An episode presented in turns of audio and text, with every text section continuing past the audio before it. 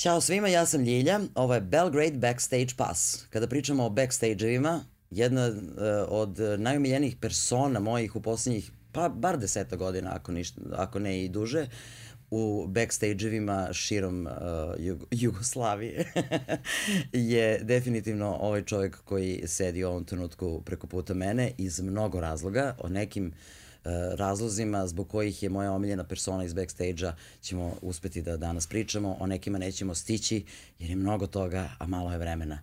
Verovali ili ne, dva sata je malo. Leo! Leo Des. Filipović. Je, znaš, e, jedan od prvih mojih razmišljanja kad si ti u pitanju je uh, svojevremeno, znaš, ako goblini, goblini, golub, goblini, znaš, još ko klinci, da. kao nekako, to je kao golub, golub, goša. o, svi nekako gledaju njega i u nekom trenutku jedna moja drugarica koja kaže, Leo, on je moja omiljena faca u tom bedu, ne vredi. Čak smo na jednom koncertu smo se ti i ja slikali za tu moju drugaricu, sam rekla moram njoj da pošaljem sliku da sam kao, e, Leo, e, razumeš. Uh, zašto si ti omiljen lik toliko? Ne. Pojma nemam. zašto? Kako? pa ne znam, stvarno ne znam. Ovo, ovaj, to je teško pitanje sad. Zašto sam ja omiljen? To valjda treba drugo. Zašto pitanje. misliš da si omiljen? Pa ne mislim da sam omiljen. to se dešava tako. Ne, ja, zaista te ljudi... Ja sam u čudu, znaš, kao što me toliko ljudi ono kao... Ne, ne, ja malo prepričam sa još jednom drugaricom, uh, našom zajedničkom uh, pevačicom koja kao, e, rad, uh, e, kao, jer ako idem sad kao da snimam Lea, jao, pozdravi ga puno. Znaš, svi su nekako potpuno oduševljeni, imaju osmeh od uveta do uveta kada se pomene Leo Filipović. Pa dobro, ja se trudim da ovaj, imam što više prijatelja, a što manje neprijatelja u životu, tako, vjerojatno zbog toga. A i nekako si cool, sve, znaš, sve nekako kod tebe to opušteno. da, da, da, da, ne, bez nervoze, tako, pa to, to. Ništa to, to, kao sad neka frka panika, ali to ti je od Vojvodine. To mi su ubočeni. Subočani, da, Subočani. Ako niste znali, ne kaže se Subotičani, nego Subočani. Da, da, pravilno se izgovara Subočani. To da, se... da, da, ali piše negde onim uh, Ne piše, to su ta pravila koje se ne pišu, ali se znaju, da. Subotica, čoveč, Subotica. Ovo nam je prvi gost iz Subotice, samo da znate, ovaj, da se notira to definitivno tamo lepo negde da piše. Ove, uh, u Subotici jedan mali Leo Pilipović uh, ka, pričao si svuda da si prvo procrto pa si onda prohodao, a, ovaj, a, a onda, a kasno si prosvirao, šta? Ha. Pa ja, znaš šta? Ili je išlo nekako... Pa muzika me privlačila od uvek, to moram da, da kažem. Ovo, ja sam jako volao da slušam radio, recimo. Te, te pesme su mi ulazile u glavu i ostajale tu neko vreme kako da kažem, razmišljao sam o njima i, i nekako i doživljavao svaku na svoj način, tako da ja dan danas pamtim te neke stvari koje su mi se ono urezale u mozak kad sam ih čuo prvi put kao klinac. Ono, jer moj mator je ustao rano, ono, u šest i prvo što uradi radio i radio je ono zvrndao do, do, do, do, do, do spavanja, mislim, ceo dan. Ono, teo se nešto, šta ja znam, nisam ja nešto bio lud za televizorom, ali radio je uvek bio tu i, i naravno Studio 3, Subotički, e, da, Hormor studio. Svoje slike, ti si imao svoje slike u glavi, zato nisi gledao TV. Pa uglavnom, da, da, da, dobro si to. I, o, I onda recimo sećam se šta ja znam, ovaj, kad sam čuo prvi put ovu, ovaj, Sailors uh, i Two Glass of Champagne, ta, ta pesma i dan danas kad čujem, ono, zvizne me, u taj, baci me u taj, ono, ono, kad sam bio klinac, buk predškolski uzrast, je, to je 70 neka, četvrta, peta godina, mislim. A već si u veliko crto? Mm, pa da, ja sam škrabuo od, od čim sam se dovatio, čim sam vidio da nešto ostavlja trag na nečemu, to je već meni bilo. ja. Da, ali ne znam, to je tako, ja sam, nisam to ulazio tu neku psihoanalizu kako se to dešava i zašto to moja mama dobro zna, ona je vaspitač. Uh, Čak sam i ja na akademiji, on, na, na, na, na, na ovaj metodici imao to kao ti tipovi, likovni tipovi Aha. dece, kako se to razvija, pa to imaš te faze, ne znam, to je, mislim, ja sam to sve preskočio. E, e, tvoji nisu bili u fazonu kao 90% roditelja kad nacrtaju čičaglišu, jao kako lepo crta. Oni ja nisam, da... evo, ono šta je interesantno, ja nisam čičaglišu nacrtao kao prvo, prvo, Dobro, prvo mislim. biće koje nešto liči na ne, ne, nešto postojeće, nego je to bio vo. Da, da, životinja vo, vo da. Zašto vo? Zašto sam bio opsednut ovaj, istarskim, Volovim. istarskim, da, istarskim volom, ne volovima, je bio jedan vo, to nije bio vo kao vo, znaš, koji predstavlja sve volove na ovom svetu, ne, to je bio jedan određeni vo koji je postojao i zvao se Gajardo i bio u vlasništvu mog dede ili ti mog nona, pošto su Istri, jer moja mama Istrijanka. Mm -hmm. I, mhm. ovaj, I imao je Gajarda koji je bio ogroman jedan ono, boškarin, sa rasponom rogo, nemam pojma, metar i po, bio je težak Njega skoro ono tonu i nešto i bio je ogroman i ja sam bio lud za tim, tom životinjem. Kad god sam dolazio tamo, ja sam ono, prvo pa u štalu. Si rekao mami i tati ono kao I u onda je- Subotici kao neću, neću psa, neću mačku, hoću vola. Hoću vola, da. Ne, ja ste majmuna da imam, ali to ću, to, to ću kasnije pričati. Da, Pipi duga čarapa i to, ona je kriva za to. Ona je imala onu maj, monkey squirrel, ona, ona, ona je majmu veverica. I ja sam bio u fazonu, to može se kupi u zoološkom vrtu. Odeš i kupiš, kao, ko odeš u radnju i kupiš šta ti treba, o tako, odeš u zoološki vrt, daj mi tog majmuna, on ti daju i ti, to je kao, znaš, razmišljanje jednog klinca. I ja sam bio lud, kao, hoću majmuna i pa kao, deda ti kupimo majmuna, si lud, čovjek. Pa kao smemo vrt, a imamo zoološki na 7 km od Subotice. Alo, ne moraš da to ideš u Afriku. vrt. Malo pa lep je, životinja, ali lepa lep, priroda, da. Lep, je. Le- na lepom je mestu. Znaš. Mm. Tako da je Bo bio u stvari prva, ovaj, tu rogovi su bili jedno veliko slovo u, ajmo reći, i ovaj, ono čičagliša ostalo, jedan šest, sedam nogu je imao rep, ali šta je u stvari bilo presudno? Male uh, mesingane kuglice koje su bile na vrhovima rogova, koje su se stavljale da ti, te životinje su inače mirne. Mm -hmm. Međutim, oni kad se ono ližu ili kad teraju muve, pa mlate glavom, znaš, on nije svestan da nima raspon 2 metra i to ozbiljnih rogova. Znaš, ne bi povređivali, I da, da. ne bi povredili sebe, druge krave ili, ili gazdu nekoga u blizini.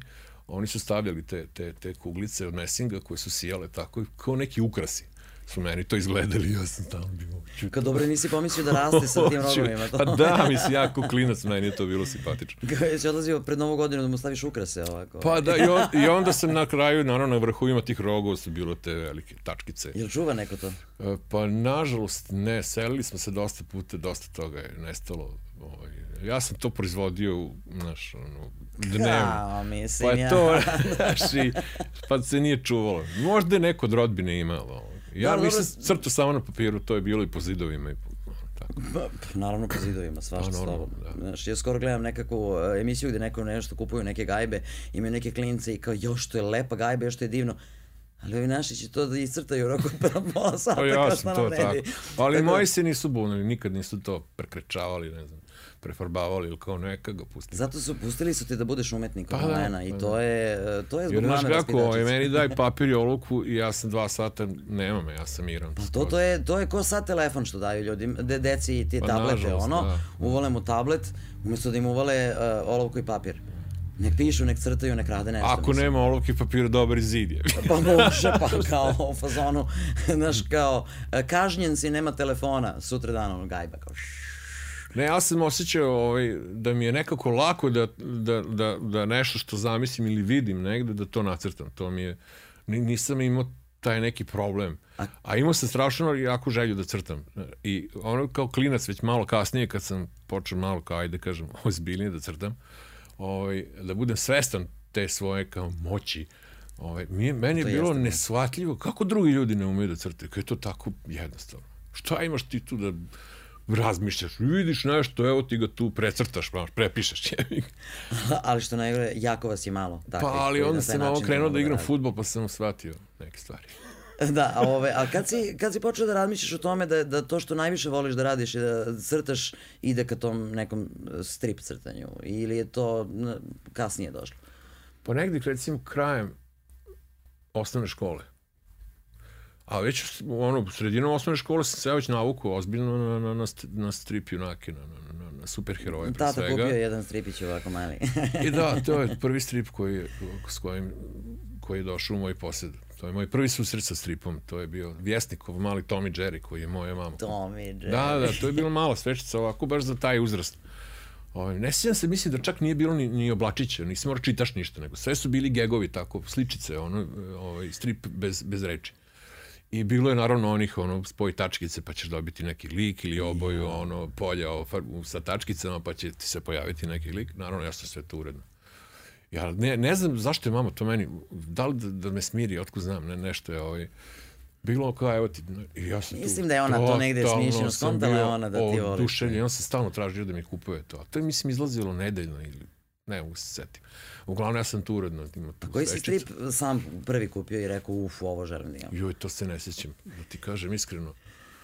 O, to je bilo neko, da li neka stripoteka ili e, ex almanah je bio. ex-Almanah i bio je Spider-Man unutra. Spider. Da, da, ja sam, jako sam volao Spidermana i onda sam čak imao ovaj, ideju da napravim svog lika kao da izmislim svog superheroja. jako sam Koji bio, klinac to ne želi? Jako sam bio originalan, bio je to čovjek skakavac. A dobro, ajde, Potpuno koje su moći... izgledao isti ko Spider-Man, samo bio zelen. Koje su moći e, skakavca, čoveka I skakao je ono sa zgrade na zgradu i to, I je to bilo je to. to da. Ujeo je naravno skakavac, radio aktivni na nekom istraživanju. Uh mhm. -huh. Čak sam napravio, na, na, na, nacrtao sam jedan kajš To sam sećam se pokazivao mojoj učiteljici ovaj, i ona je bila sva oduševljena. Ali ovo Killing Joke eh, isto eh, pošto ima DC-ev Killing Joke. Ne, ovo je vezano baš za band Killing Joke, aha, a. DC-ev Killing Joke nisam još do toga ni došao bio. Tako da... Znači, ovaj... čovjek skakavac, ali ima neko ime ili se samo zvao... Grasshopper Manu.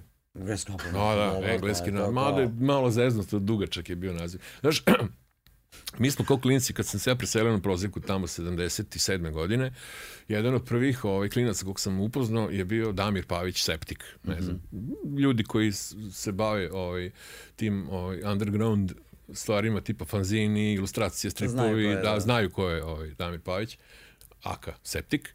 Ovaj, I znaš, to mi smo bili podeljeni uvek u neke grupe, ono, znaš, Pazinska protiv braća Radića, a pro, prozivka je tada bila naselje u koje sam se preselio, je bilo ono veliko, iz, ono, kako bih rekao, gradilište. I tu je bilo tog materijala za igranje, ono, stiropora, nekih cevki, nekog ludila, nekih štangli, znaš, to kao odmah mi se podelimo u dve grupe, kao, pa, kao ratujemo, ono, ono, između nas ide klinac paš pred rodicom i pod miškom nosi gomilu nekih flomastera i nekih papira i, i neku teglu punu buba. On ko juje. Kakav frik. Kakav frik, da. A onda ovaj, se ispostavljeno čak crta, ono, non stop. I tu se mi nađemo ovaj, i, i tu se sprijateljimo. I evo, Zato dan, i bube, pa ih se zato ih je. Bube su mu bile inspiracija za te njegove karakonđule i beštije koje crta, jer on je ono bi opsednut tim nekim ono, amorfnim stvarima, ali Aha. koje imaju neko uporište u, u, u prirodi, znaš, tako sam, čudovišta sa više ruku, nogu i šta ti ja znam ovaj, Alien fazon, Giger, ludilo. I, ovaj, I tu smo mi počeli zajedno da se crtamo, kao onda se ima fazon, čoči, ja crtam, ajde dođi kod mene da vidiš, ja crtam nešto, da, da, da. I tu je krenulo to naše druženje i tu smo krenuli da maštamo, znaš, tako da smo imali ideju da napravimo neku svoju kao kuću poput Marvela ili DC-a, znaš, pa smo tako izmišljali te superheroje. Još nije kasno kao. da. I on, ali maštali smo, bili, bilo nam je super. I dan danas se skupljamo, nas dvojica, ovaj, pod crtama zajedno. I maštate? Pa, više se zezamo. Ali... Evo to je interesantno kad, kad uh, i ti i neki ljudi koji uh, se bave nekim kreativnim stvarima, kad, kad pričamo tako o, o, o počecima, zato volim da pričamo o počecima. Uh, znaš, uh, ta varijanta gde tebi neko uvoli papir i olovku, uh, E, da nešto nacrtaš, tebi daje neverovatnu mogućnost da izmaštaš nešto, da uradiš nešto korisno i od toga da razviješ talenat koji će ti izdržavati do kraja života, recimo, ili tako neke stvari, da prosto stvoriš nešto što je prelepo i ne, neverovatno. Uh, u današnje vreme, kažem opet, daju nekom telefon, sad ima klinaca koji uzmu pa i u telefonu može da se crta, nije to problem. Ali uh, čini mi se da, naš, nevezano za razvoj tehnologije koja je mnogo pomogla čak i tebi u tvom poslu, mislim, jel? Uh, onoliko, uh, Uh, ali, uh, znaš, imam utisak da se ne razvija toliko uh, nijedan talent tog tipa kod dece na, na, na taj način, a može. Uh, kao da ćemo da im uskratimo maštanje time što smo im sve već vizualizovali. Znaš, nekako odgleda na filmu, vidi ovde, ima, sve možeš da vidiš. Sve, znaš, nema tu toliko maštanja koliko je bilo u, u to vreme. Pa znaš kako, ovaj, A viš, paradoks je to što gomila informacija, mi, mi kad smo bili klinci, nama je svaka informacija bila wow. Svaki taj strip još, ne znam, dođe Septik Damir, donese, ori, negde nabavio, ne znam, on originalnu sveščicu iz Amerike. Doduše na nemačkom, recimo, neko nemačko izdanje, ali ono u koloru. To je bilo dva dana da bude kod mene, molim te, onako, iz moje ruke da vidiš. Tako, znaš, ti danas sve imaš na klik. Pa, I onda, znaš, kako bi ti ga, ja ne mogu sad da, da, da, da, da pričam kao neki ono matori konzervativac. During pa kao, the war. Pa da. During the war nama kao bilo tako, vid kako je sad. Ovo, ovaj, sve svako vreme ima svoje, jel, svoje pogodnosti i svoje jel, ono, kao, nepogodnosti. Sad. Ali vidi ti, znaš, recimo, e, nisi... Ali kapiram da klinac koji je urođeno talentovan, on će naći put da, da mašta koristeći svu, svu moguću tehnologiju i mislim da ga to neće sprečiti. Znaš, da, da, da postigne ono što je zacrtao ili što želi u životu. Da, ali mislim, skoro sam pričala sa nekim uh, poznanikom baš apropo recimo, ne znam, Tolkiena i gospodara prstenova. I sad kao pričali smo o tome da li bi se Tolkienu dopalo ovo što se dešava. On je rekao, ne znam, da uh, on nije bio takav lik, on nije volao ni radio drame koje su vezane za, za njegovu knjigu. Prosto je, uh, I sad dođemo do zaključka da je to vrlo verovatno zbog toga što ja sam napisao nešto po, onako kako sam ja želeo da napišem, tvoje je da to predstaviš u svojoj glavi onako kako ti misliš da treba da predstaviš u svojoj glavi. A ti sad jednom kad odgledaš gospodare, ti više ne možeš da pročitaš gospodare prstenova, da, da. a da imaš drugačije slike u glavi. Pa da, mnogo stvari se već unapred, to jest već vizualizuje, kako bih rekao. Pa da, i ti si morao da vizualizuješ ovaj, sebi uh, raznorazne te i muzikice i sličice raznoraznih vrsta, praviš svoj televizor u glavi i od toga si razvio neku kreativu. E sad, uh, evo recimo, je tvoj sin talentovan za, za tako neke ovaj, muziku ili, mm, on na primjer? Ima sluha, recimo, ima jako dobar osjećaj za ritam, ali ne zanima ga ništa vezano za umetnost. On je otišao dedinim stopom. on je u sport, sportski duh, uglavnom. Ali kad gledaš i njega, recimo, i njegovu generaciju sve te... Ali čerka moja na, na drugoj godini slikarstva. E, si joj uvaljivo i ono... Ništa im ja papire, nisam ništa, ne, sama je ne, videla ne, od sami, tebe. Sami, Nisam ja od tih kao... I nije bila jedna od onih koji kao telefon, daj mi telefon, daj mi da gledam samo, nego pa je... čuj, ne, ne, ne, ne, ne, koristi se sve. Pa zamisli sad recimo meni i Damira, 77. godine smo imali ovo što danas imaš, ono, internet, YouTube, ovo, ono.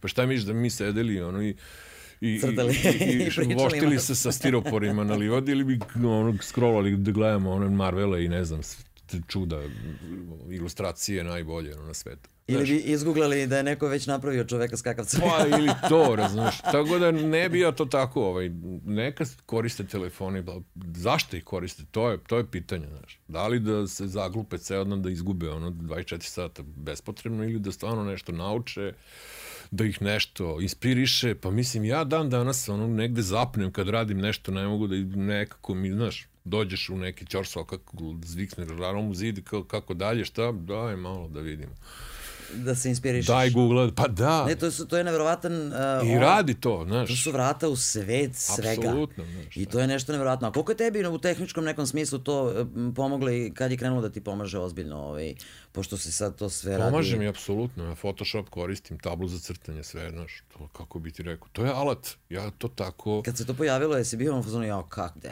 Pa nešto bio sam, ja, ko će sad ovo naučiti, majko, ja sam, pazi, mi smo generacije, pričam sad već o studiranju, Uh, primenjenu umetnost, mi završamo akademiju, niko ne zna bre, da upali kompjuter. Imali smo jednog Macintosha na akademiji koju smo samo gledali. I ko je, čoč, vidio. Wow. A daleko si ti od toga da nešto znaš. Mi smo Lenjir, Rice Feder, još uvek on old school, razumeš. Međutim, a, došlo je jednostavno vreme da moraš. Ja se sećam, ja sam baš iz tog nekog, ono, ja sam old school, neće da mi kompjuter, ne znam šta, ono, crta umesto mene, ba, znaš, ono, glupa razmišljenja. I on se, se bacio na tetoviranje. da, to sam isto tela da... Ovaj... Dobro, eto, ja sam malo preskočio, ali uglavnom uh, imao sam, dobro sam živio od toga, imao sam neke pare i sad ću ja te pare kao da kupim sebi muzički stub liniju koji kao klinac nisam imao. I žena mi kaže, kaj si ti magarac, pa kupi kompjuter i ludača jedan. Recimo. Ko, šta će mi komp, ne znam, da ga upalim. E, onda su došli neki poslovi za koje je trebao kompjuter onako prirešno. I onda sam ja ovaj, tako išao, čak sam išao na jedan kurs Corel mm -hmm. program i, ovaj, i, i međutim Corel ja uopšte ne koristim danas. Međutim, tu sam vidio taj neki Photoshop E, tu je meni lampica. U, ovo, ovo je baš zanimljivo. Tako da sam uglavnom sam učio, gledao druge kako, šta, šta, šta, šta ste uradio, da šta si kliknuo tu, aha. Pa jel pratiš ono novitete u tom smislu? Ne, pa ne, nisam, ne, ne, nisam, nisam taj, taj ono, kako bi rekao se da ti frikovi što prate te, te tehnologije, ovaj, nisam taj, ono, da sad vidim. Bar za crtanje, kao, ako slučajno se pojavi nešto Pa što nešto, je ako sam baš primoran, pa ono, kao, znaš, da vidim te table, ono, za crtanje, ali kako bi ti ja sam još uvek papir i olovka, znaš, ja koristim skener da bi skenirao to što nacrtam, a Photoshop da sredim to malo što sam nacrtao na papiru. Zato. Nisam ja sad neko ko kompletno sve završava u kompjuteru. Mada ima i takvih projekata, re, plakati neki, neke ilustracije čak, ono, mrzi me da mu umačem četki, pa ono, umačem one kantice tamo u Photoshopu. Ali šta je bitno? Krajnji proizvod je ono što se ovaj, računa. računa Kako da. si ti došao do njega? Nikog ne zanima. Nikog ne zanima, bitano je ono u krajnjem Naravno da ja volim ono, ak akvarel efekte, ono kad voda po papiru razvali. Znaš, to teško da ćeš u Photoshopu ovaj. Ali Photoshop ima neke svoje druge prednosti koje, ovaj, znaš, ja sam recimo kup, kupio sam airbrush Mm -hmm. I sam se ložio na taj airbrush kao to je ono iz ilustraciju. Vrate, kad sam ja krenuo to da probam da radim, joj, tu posla, druže pa sve nešto kao uradiš onaj verlauf, onaj prelaz lepi onda ti pljucne ti tamo slučaj neka flekica, ja i sve ponovo, pa maskiranje. Znaš kako sam ga odložio i rekao, i taman se pojavi taj Photoshop i spasi mi život, čovječe. Photoshop je spasio da, život. Da, čovječe, alo bre, kakvi airbrushevi. Jeste to super alatka i to stvarno, ovaj, postoje ljudi koji barataju s tim prave nezamislive lude stvari, pogotovo u Americi čak sa jednom čitao im onaj neki godišnji, onaj godišnjak mm -hmm. airbrush art, ono kao, pff, pa mozak stane, kakav Photoshop, čovječe. Ali to, kažem, to, to su godine i godine rade. Je li mogao ovaj, taj talent tvoj uh, crtački uh, da, da se razvija u Subotici ili si bio ne, na neki način primoran da dođeš i u Novi Sad i onda posle u Beograd da, da razvijaš te svoje... Pa malo pre si me pitala kad se to pojem stripovi levo desno javilo. Ovaj, već s krajem osnovne škole sam ja bio, imao ideju kao čeče, ja bih volao da se bavim stripom. Ali kako to, šta treba da se, kako škola? Izvini, malo pre si rekao, malo pre si rekao kao kad čim sam uzao gitaru u ruke, rekao sam ja od ovoga se leba neću najesti. Doći ćemo i do muzike. Ali onda si došao do stripa i onda si rekao od ovoga, od ovoga ću se najesti leba.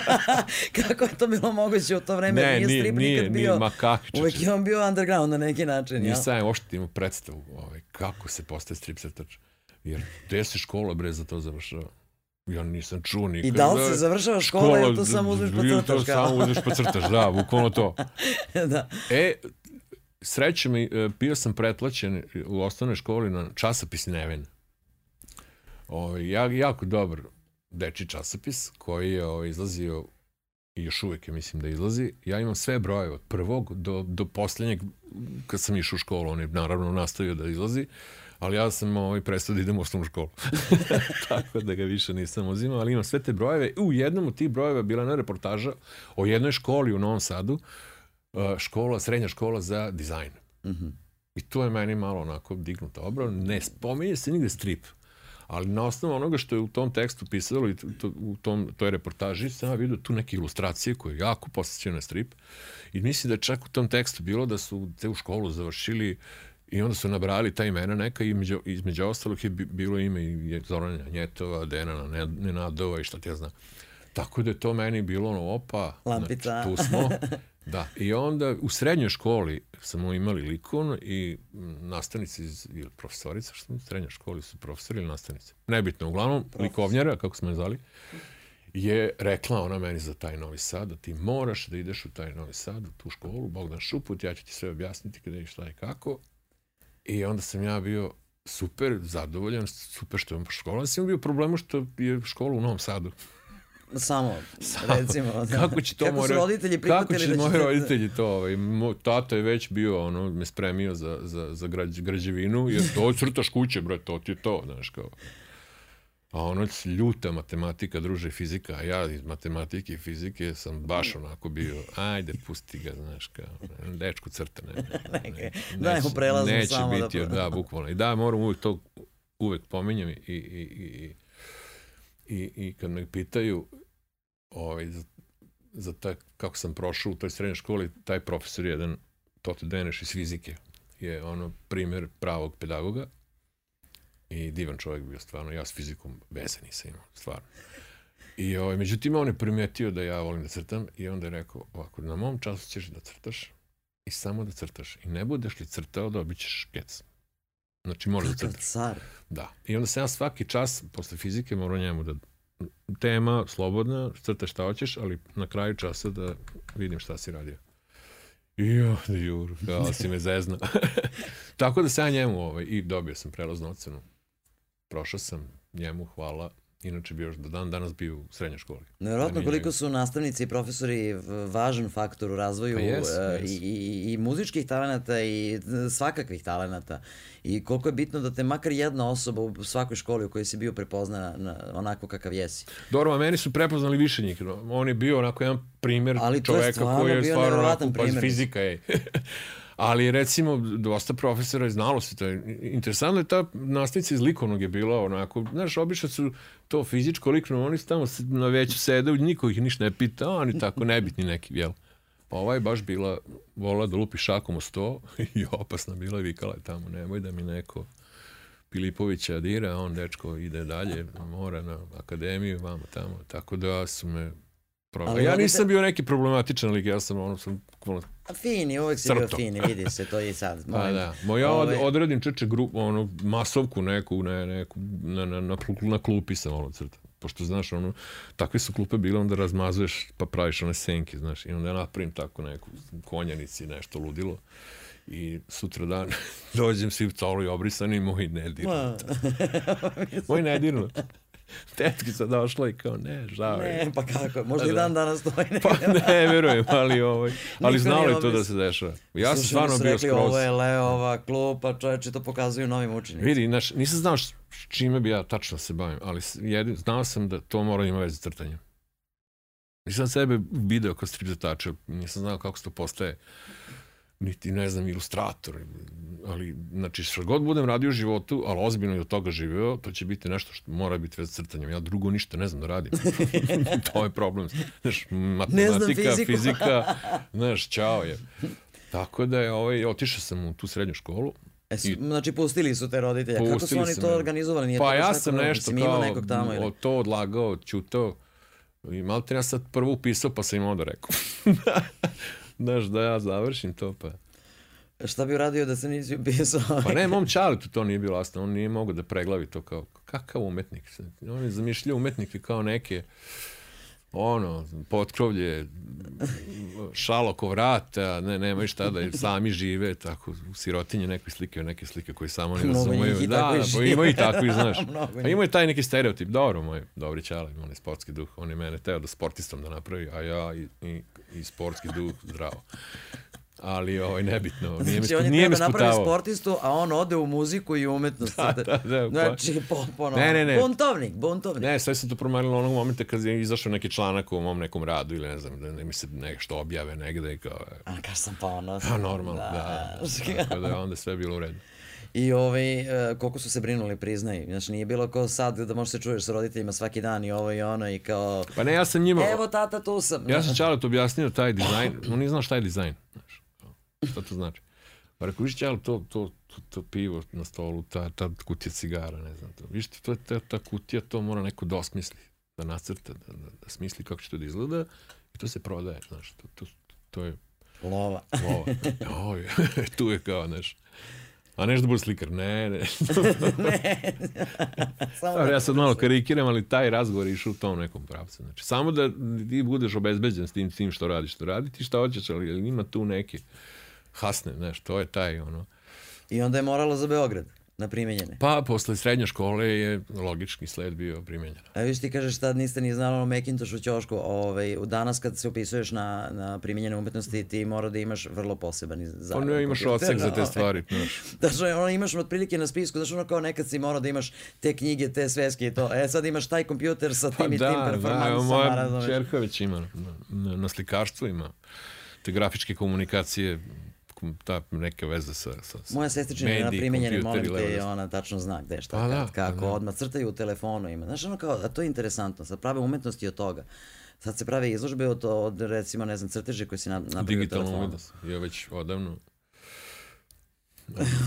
Odavno.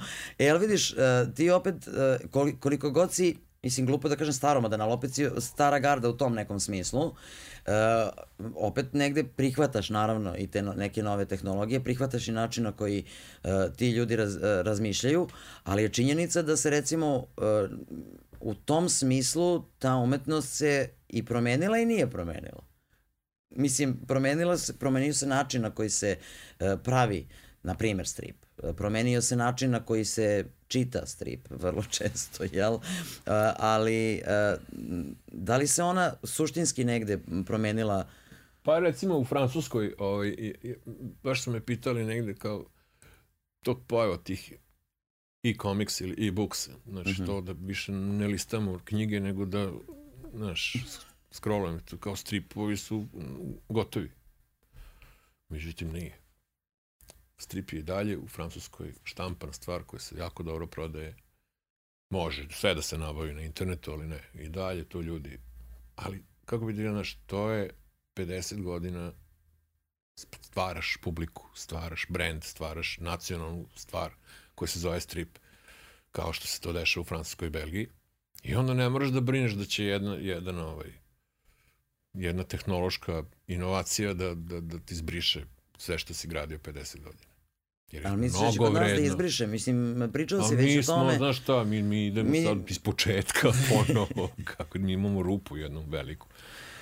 Što se tiče i produkcije stripa i, i, i, i praćenja stripa uopšte. Znaš, ja kad sam počeo da radim za Francuze, kad sam im poslao te prve table, misleći da će odmah da me ono štik, ono, odsviraju i kao, ajde, buraz, znaš.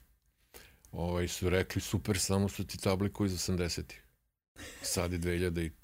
To Evo vidiš, to sam tela, u tom nekom, e, u smislu, ne znam, e, de, radnje, tema, likova, e, koliko se u tom smislu promenilo? Menja se, se naravno, pa, pa, naravno, Promenila pa, se muzika, promenila se, sve se promenilo. Recimo e, to sad, zanima, dešava se to sad, recimo, uh, uh, film i serije jako utiču na stripove.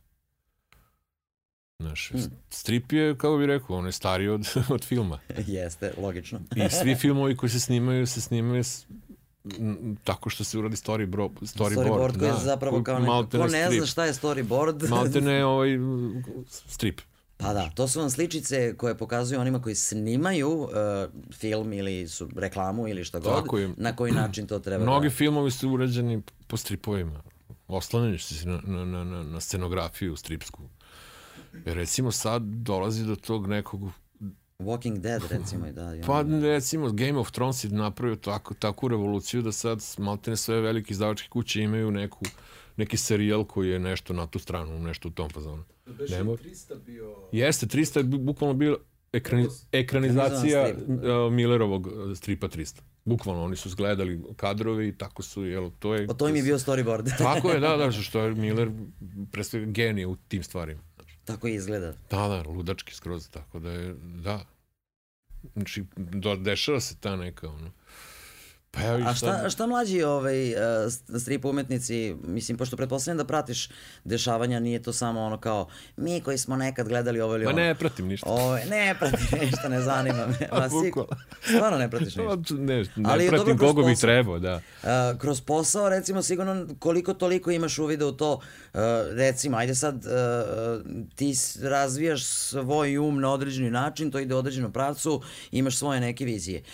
Ti si kao klinac pravio uh, čoveka skakavca, recimo, razumeš. Uh, jedan mlad čovek u tim nekim godinama koji sad se bavi time, doduše tehnički na drugačiji način, šta je njemu u glavi? Mislim, koji su njemu uh, superheroji, ovaj, onako, tim mlađim ljudima, šta je njima interesantno da nacrtaju i da od toga naprave jednu strip priču? Pa znaš šta, imaš sad pre, im, ne zaboravi, ima jedan segment koji je jako bitan, koji je došao među vremenu za video igrice, uh -huh. video igre. I koncept art za te video igre je prvo jako dobro plaćen posao. Drugo, jako je izazovan, inspirativan za, za, za ilustratore i strip crtače. I znam dosta kolega koji, i nekih poznanika koji su jako dobri u tome, znaš. Tako da, ne mora sve da se svodi na superheroje i strip strip ne, ne, jako znam, naravno, široko ono pojav znači da danas ljudi crtaju i kako klinci rade mlađe ekip to ne to, da, da ali šta, im, šta ih vuče e, kao pa, to bi njih trebao da ne, ne kaže možda si komunicirao ne, sa nekim pazi, znaš šta, pa... kad imaš naš talent, talentovani ljudi verovatno imaju i, i tu želju da, da, da to što, što imaju sebi i, i, i izbaci iz sebe Znaš, tako da verovatno i oni imaju negde gde vuku inspiracije, verovatno u ovom, šta znam, možda ih, možda ih pale mange japanske, možda možda ceo taj ono, high-tech world, ono, znaš, to, to kao sve nešto moderno. ko će ga znati, znaš. Možda na Instagramu nađu inspiraciju. Pa, šta ga znaš, to se vrti telefoni, kako da rekao. U svakom slučaju, dostupno im je sve informacije su im ono. E sad, pitanje je koliko te šume vidiš drvo, to je sad, E, to, sam, to je, možemo to, to da pričamo, pričamo još jedan podcast da, da, da napravimo. Da, to, vrlo često pričamo o tome uh, sa svojim gostima uh, uh, vezano i za muziku i evo sad u ovom slučaju i za... Isto i za muziku. Da, jako je zeznuto, znaš, ti si nekad imao jako malo načina da dođeš do ploče, do uh, stripa, do nečega što ti... I onda si gledao, pamtio, sad si bio nešto kao fazonu, a, a tada ti je neko dao što ti kažeš sve ove u kao strava kao sve stio bi se verovatno kao šta je ovo YouTube slušam šta god hoću zamisli ovaj a s druge strane sad imaš sve dostupno I sad kažu ljudi da, da, da je ta mlađa generacija donekle i površna zbog toga i da je to kao normalno. E, ili jeste ili nije? Pa Mislim, ne, znaš, kao iz tvog ugla, imaš i decu, razmišljaš i o njima, na koji način oni razmišljaju, e, pretpostavljam, nekad. I sa tim umetnicima s kojima sarađuješ možda u, u životu i u svetu. Znaš, nekako, e, da li se i tebi čini da je i u tom smislu, e, ili je prosto, ako si talentovan za to i ako si genijalac, ako si umetnik, uh, nema veze kakve su ovaj, tehnološke inovacije, prosto si to što jesi. Pa znaš kako, kad je sve na izvolite, razmaziš se. Znaš, nekako mislim da je da dođeš do nečega pa se pomučiš da dođeš do nečega, da to nekako ima neku veću vrednost nego kad ti sve tako. Znaš, jel voliš više da zaradiš 50 evra ili da ti neko da? Sad neko bi rekao, ja bi volio da mi da. Pa naravno. A ja više volim da zaradim. Draži su mi nekako. Je, jeste. Da. I kad mi stigne ploča koju sam čekao, ne znam, ono, mesec dana od ne znam koga i odakle, pa čo, to je meni praznik u kući bio. Znaš, ili kasete koje sam slao da mi Ma bre pismo najobičnije da ti stigne od nekoga pa već imaš osjećaj Recimo, kao... mi smo ovaj, 80-ih slali kasete u Zagreb kod jednog lika, Damira Tiljka, koji je Ovako imao... izgledaju kasete za one koje ne znaju. stvari, jeste. I on ima strašan katalog dobre muzike koje smo mi volili. I, ovaj, I onda je on nama to snimao na jako dobrim nekim spravama i ovaj, to je bilo bukvalno ravno kod da ti je ploču, ono, znaš. Ali to se nije, ta kaseta se nije trpala u bilo kakvu plastiku, nego to je mora bude neki Technics, neki ono, na kamiči ili neko čudo sa Dolby X redukcijom šuma, la, la, la, znaš, i to kad stigne kaseta, ne stavljaš ti to sam kući, nego se zovu društvo, ortaci, stiglo, idemo kod koga ćemo, ko ima najbolje sprave, E, kod njega idemo i preslušavamo, pa preslušavamo, pa preslušavamo. E, sa šta je bilo dobro fora? Što taj lik ostane na A strani ili na B strani 10 minuta, 5 minuta, zavisi od trajanja albuma. I onda ti on nešto voli što bi ti se možda moglo svideti, jer on je pratio sve nas šta naručujemo i na osnovu toga je otprilike video kakvi su nam ukusi. I onda na osnovu toga on, recimo, ti uvoli nešto što nisi čuo ili pretpostavlja da nisi čuo, ali ti bi možda zanimalo. I tako sam ja došao do gomile bendova koje dan danas slušam i naravno sledeća pošiljka je sve od ovih, sve od ovih, ne znam, kad mi, kad mi je stigo Sound recimo, ili Godfathersi se tek pojavili bili 87. godine jednu stvar uvalio i ja rekao daj mi sve od ovih što mi rekao imaju samo jedan album, daj. I to, to te stvari posle radio radio recimo, je, znaš, ono, slušaš ono hitovi, hitovi, hitovi i onda ti uvali tako neke, da. Ti čuješ, u šta je ovo, e. daj da nabavim, daj da slušam. I onda to ima, znaš, ja tu kasetu, tu, ono, to sam ja sam pravio, omot, pravi ono, ispisivao one ime. Znaš. Kao to su ti prvi omoti, nije ono kao A, orgazam i to, nego prvi omoti to neko, A sad kad, znaš, odem, kliknem na Spotify ili na Bandcamp ili, znaš, sve je tu. Šta god. I nije... Pa ja ne znam, znaš, ali nemam ja to oduševljenje kad sad, znaš. I naravno, muzika je muzika, super je band, ali nema to, znaš, stigla ploča, pa miriša ona štampa, pa... Ja, znači, Sad izvučim kao e, matori koji Ti si, osim što, što se naravno baviš i muzikom celog, celog života, uh, radio i omote za albume i Električnog orgazma i Goblina i šta ti ja znam, Pa jednom je moralo doći do toga. Pa moralo je svakako, da, kao logično, kao šta, jel te? Ove, uh, I sad, uh, a opet fizička izdanja muzike su opet postala uh, I sad, opet su kao popularne i te ploče i vraćaju se kao i kasete i sad vidjet ćemo kao, ali generalno najviše ljudi sluša muziku Apsolutno. online, jel te? Ovaj, ali opet ti i za to treba da nacrtaš nekakav omot, čak i kad nije fizičko izdanje. Da, da. A uh, kako je došlo do toga da, ovaj, da, da ti to spojiš? Ko je prvi došao i rekao, daj čoveče, nacrtaj mi to za album, nemoj da me nerviraš, vidi, talentovan, sve super i kao, ajde, uradi to. Pa prvo A da nije se- kaseta, ovaj. Da, sam sam se oduševljavao omotima. Nije to samo plastika unutra, nego i taj omot meni bio bitan. Ja vizualno doživljavam stvari. Ja stripove nisam čitao, ja sam ih gledao. Da odmah razumemo, znači, nisam neki načitan stripađi, ono sad da me ispituješ, sam čitao sve od, ne znam, Zagora, Dilana, dok nisam ništa čitao od toga. E, Šta je rekao, nemam pojma šta je. Ne, znaš, ne znam šta znaš u stripu, ali bi odlično nacrtan. ne, ne, ne, ozbiljno to. Znaš, ljudi misle da ja sam, ne znam, poznajem strip, ne znam kako. Ja volim da gledam stripove. Čitam, znaš, ako, ako me crtež ne privuče, ja to ne čitam. A tu je, tu recimo, tu sam istinu saznao i u Francuskoj, koliko sam pogrešio, ja sam mislio tom nekom logikom, ako je nešto ja, nacrtano, da, znaš, bolo, to se prodaje super, da je to hit. Nije. Priča je pre svega ta. Znači, sadržaj jeste bitan, ali i meni kao vizuelcu je bitno i taj omot. To, to, to vizualno predstavljanje benda. Kao što vi, volim da vidim i dobar spot. I to je naravno krenulo još fanzinima, znaš, ono, sa tim ono, lokalnim grupama koji imaju te neke svoje kasetice, sami izdate, znaš, to, Aha, taj. DIY scena i onda naravno, znaš, lepo ti doradiš omot za neki bend. Pa on iz fotokopira pa, Pa se stavlja u kasetu. fotokopira, pa plakati za nastupe i to je recimo isto bilo zastupljeno dosta. Tako da sam se ja ono, bavio time, to s- nisi morao dva puta da me moliš. znaš. A, a, Bio sam ovaj, za.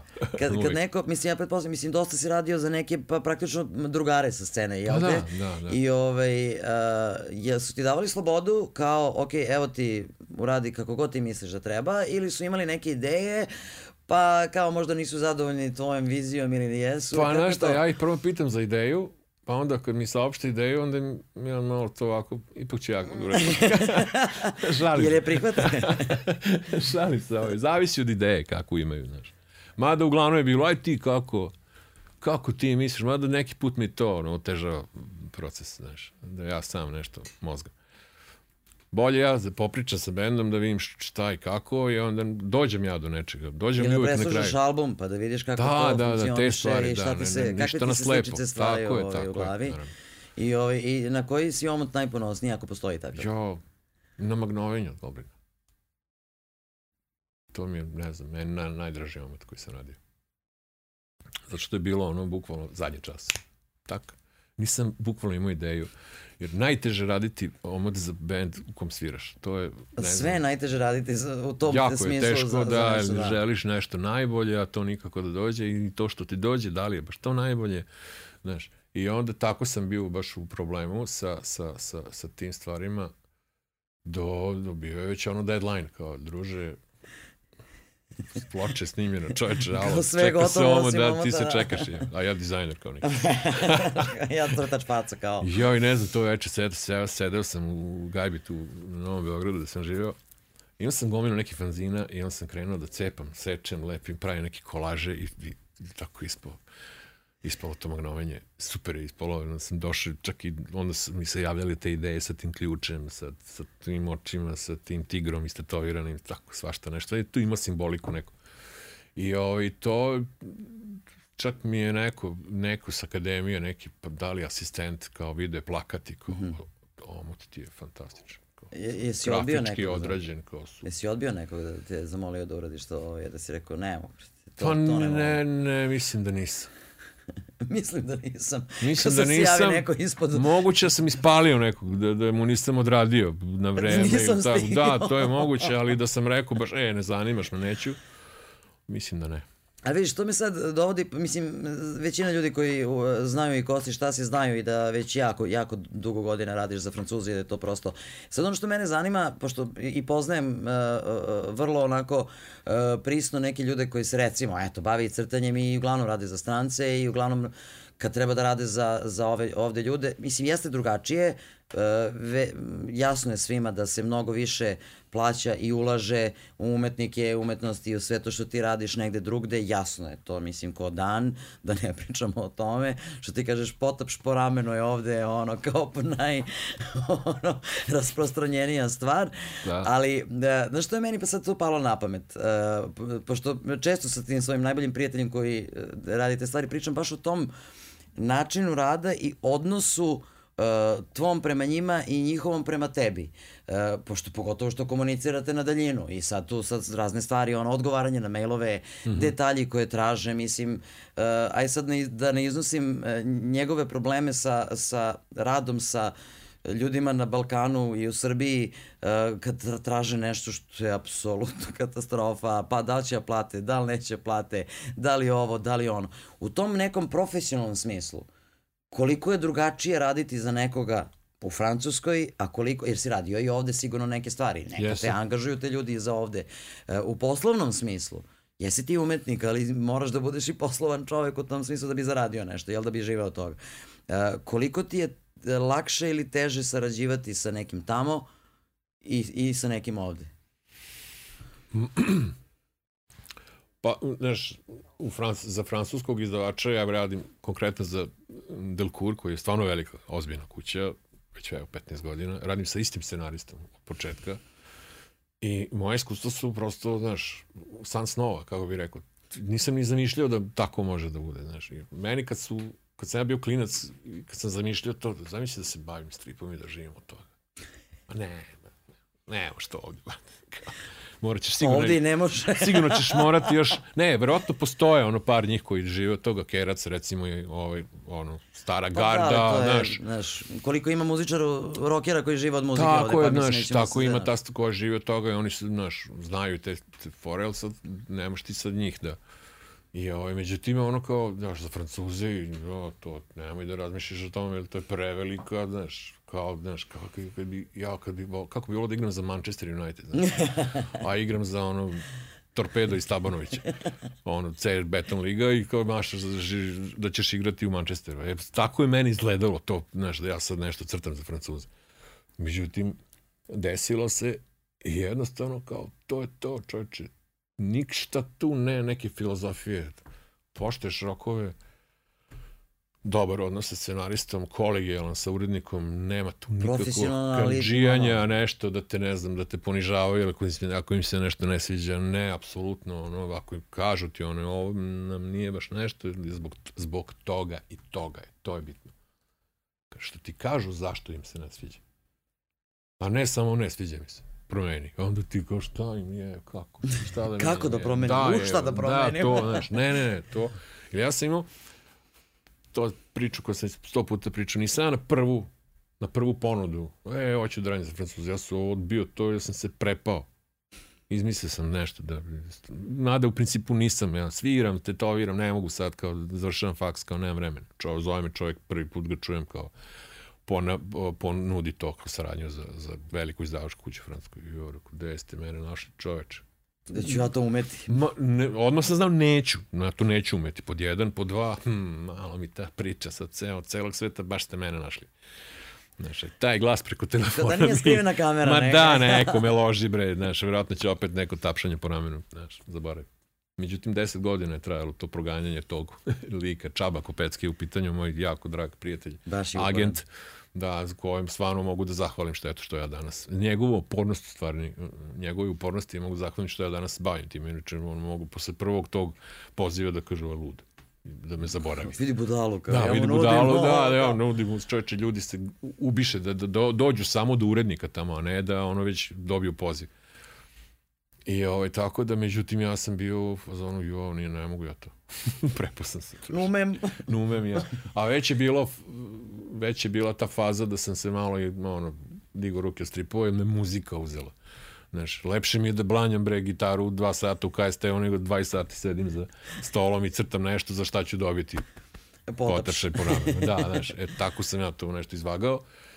Ovaj, I, ovaj, i, i prestao sam da crtam stripove, znaš tako dugačke stripove, znaš, da sedim dugo i da razmišljam, znaš, da nešto kao crtam. radio sam ilustracije tu i tamo, ali strip kao strip, ne. I tek 2004. Ono. Da, naravno, do, došao sam u Suboticu, krenuo da tetoviram, jer od toga se može živjeti, opet je neko crtanje. Da, mislim, posle- vratio se čovek u Suboticu. Da, da, to je bilo, ono, stvarno sam vidio svirku, ti ludi, evo. Se vraćaš u Subotici, čovječ iz Beograda. Umesto da ideš dalje. Evo vidiš što sam tela da te pitam. Kao između ostalog, Beograd, Beograd, Ti si Beograd. čovek koji se vratio u svoj Da, rodni grad. da, i a, uopšte. iz Beograda u koji su svi gledali kao Da. nešto. A ovaj, a, pretpostavljam da ti nikad nije palo na pamet da recimo odeš i kao klinicu da odeš da radiš u Francuskoj, na primjer. U Francuskoj Ne, ili bilo gdje. Nikad ti nije palo na pamet da treba da živiš negde drugde. Ne. Meni je bilo dobro u Subotici. I dalje Zato sam se i vratio u Suboticu, nisam ostao u Beogradu. Meni Beograd nije odgovarao. Ja sam se dve, i- dve i po, skoro tri godine navikavao da, da ovde živim normalno. Pa neki od nas sa mi 43 s- godine mi nisu navikli. Mi subočani živimo 60 na sat. E onda dođeš ovde da se živi 180 na sat. I to malo, znaš, Čak je Novi Sad negde između kao. Pa ne jeste, malo je brži, ali nije toliko. I onda meni je bilo teško. Znaš kad sam ovde prodisao e, preko muzike? Kad sam Mhm. počeo da sviram. Kad sam upoznao ekipu ono, muzičara. E, tad mi je, tad sam ono... Tad je Beograd postao zanimljiv. Tad mi je Be- da. Beograd postao zanimljiv. Ja sam odlazio na neka mesta koje za, za, za koje da tad, ne da nisam čuo, nego jednostavno nisam s kim imao da idem tamo. E, ovo je sad promenilo stvari, tako da je nova neka ekipa došla. Jer, iskreno da budem sa ekipom sa akademije se baš nešto nisam družio. Da li smo bili presuviše različiti ili ne znam, nebitno uglavnom. Ne kažem da smo bili u lošim odnosima, ali jednostavno nismo bili nešto bliski. Sem par likova, naravno, mog kuma Milana, to moram da pomenem. On je isto poznati ilustrator i, i, i danas je profesor na nekom koleđu u, u, u Atlanti, Georgiji. Kažem, otišao čovjek. Da, poznati ljudima iz undergrounda, kao mnogi- Mr. Stoka. Pa to, mno, mnogi ljudi uh, odu negde upravo zbog tog odnosa poslovnog o kome smo uh, i pričali Jasno, i pričamo. jasno, O tome, znaš, nije samo to, ti sad sediš, uh, postoje neke stvari koje je isto raditi i ovde i negde drugde. Rec, ne, sad mi ne pada ni jedna na pamet. E, ali znaš šta ću ti kažem? Ovaj? Ali- Ovo što ja radim, e, fizička prisutnost nije uopšte potrebna. Jer ja I sam imao to tu da. sreću da, da počnem da radim za njih kada je internet već uveliko fercerao. Tako da ti sediš, brate, tu gde jesi, zarađaš pare tamo, trošiš idealno. ih ovde, di, ne može idealnije Ako ti biti. se ide tamo, ti odeš, otputuješ, naravno, vidiš, vratiš i bio se sam, i to naravno, to. ja sam, i- nisam čak ni znao za taj segment da ću ja svake godine, ne znam, 3-4 puta ići na te festivale. A jesi izgovorio nekad, jo, ja za ove Srbe da radim ne mogu. Ma ne, znaš šta, Ili prvo... za Bal- za- Balkance. Vidi, ovde se niko te baš nešto nije ni cimu da radiš ovde, ili nije bilo ni produkcije, jer su znali ljudi. Uh, ne možeš ti ovde da nekog daš da radi 50, 40, 52 strane stripa nekog, moraš da ga platiš za to. A to su, to su ipak velike pare, znaš. To je veliki projekat, to, to, to se crta godinu i nešto dana. I onda to sad, da uložiš u tako nešto je, znaš, veliki novac za koji nisi siguran da će se uopšte vratiti. Jer mi smo strip publiku izgubili. Kad sam malo pre rekao onu rupu koju smo doživjeli do 90-ih pa na ovo. Mi smo 80-ih imali pristojnu produkciju i kulturu čitanja stripova. Bilo je tu nekih ono, trafika, e, izdanja, Pa tipa... svi smo čitali znaš, stripove, mislim, to je bilo A- nekako... pričam ti o 80-ima, kada se već uveliko strip u Francuskoj i na zapadu, nema ga više u trafikama, u kioscima, nego u, u knjižarama specijalizovanim samo za te stvari. I, znaš, malo smo kasnili, ali dobro razumljivo je ipak, znaš. Ali da smo imali dobre, pre svega autore, imamo fantastične to. Smo, ja izvoznik najveći, a talent i autor u celom svetu, mislim ovaj, da li je američka produkcija, da li je francusko-belgijska, italijanska, s- naši rade svuda. I jako su priznati dobro, dobro, dobro stoje, kako bi rekao, znaš. I, ovaj, tako da, raditi ovde za, za, za, za, za neke, nek, nečega ili na te objave, to je više bio, bila stvar nekog, eto, objavili mi, pre- prestiža, da se čuje za tebe, da, znaš, ja izašao mi strip čoveče. Bravo. Ja, ne, ja ne mogu da se da zaboravim kad mi je prvi eh, strip izašao u etabliranom časopisu. Ne pričam se sad o momentu i nisam dobio pare za to, nisam ni tražio pare. To je bila jedna strana, razumeš? U časopisu Mladost, koji je bio etablirani mm -hmm. časopis SSOJ, kako se to zvalo, sa Savjez Srpske omladine Jugoslavije. Znači. Slobodan, Slobodan. Ivkovi ima na, na zadnjoj strani stranu po, posjećenu stripu i ovaj, ja sam bio tada u vojsci, moj prijatelj pokojni Miče Stojilkov, veliki ono, fanzin majstor i, i kolekcionar je, s njim sam radio jedan, jedan jako dobar fanzin, Ples slomljenog dupeta na vetru, gde je između ostalog izašao taj strip i onda je on taj strip poslao tom Slobodaniku, bez mog znanja, teo da mi iznenadi. I onda je to ovaj objavio i onda meni taj časopis stigu u vojsku. Da, došlo mi neka pismo kao veliko. I unutra kao mladost. Je mladost? Mislim, kad se ja čitam mladost. Zadnja strana. Filipović, Leonid. I si išao po kasama. Perjanica, kao na underground, da sma, zajedno uz Matakovića, ne znam, Damiru Pavića, Septika, nova generacija, kao. I je leteo, čeče, poleteo sam. To mi je jako značilo. Tako da taj segment, da, jeste, značilo mi je tu da mi se objave nešto u tronu. Recimo na kraju krajeva tih 10 strana u tronu, što je izašlo od 90 i ne znam, drugi, treći, ne znam, treći, setim, je me i odvelo u Francusku. Jer Čabe to Čabe je čovjek koji je inače naš čovjek, živi na Paliću, ali je mnogo vremena živio u Grenoblu u Francuskoj. Ne znam kako je bio povezan, ali je bio povezan sa svim velikim izdavačima i rudnicima ovaj, u Francuskoj. I on je lepo uredno dolazio tu, u, u, na prostore bivše Jugoslavije, posjećivao izložbe, e, e, Skupljao skupljao, talente. skupljao sve što je moglo da se skupi ono, izdanja domaćih sa domaćim autorima, lepo sve to odnosio tamo na njihove uredničke stolove onda su ovi ovaj, dobar, ovog nam nađe kako znaš, imaš, ovaj, nije nešto.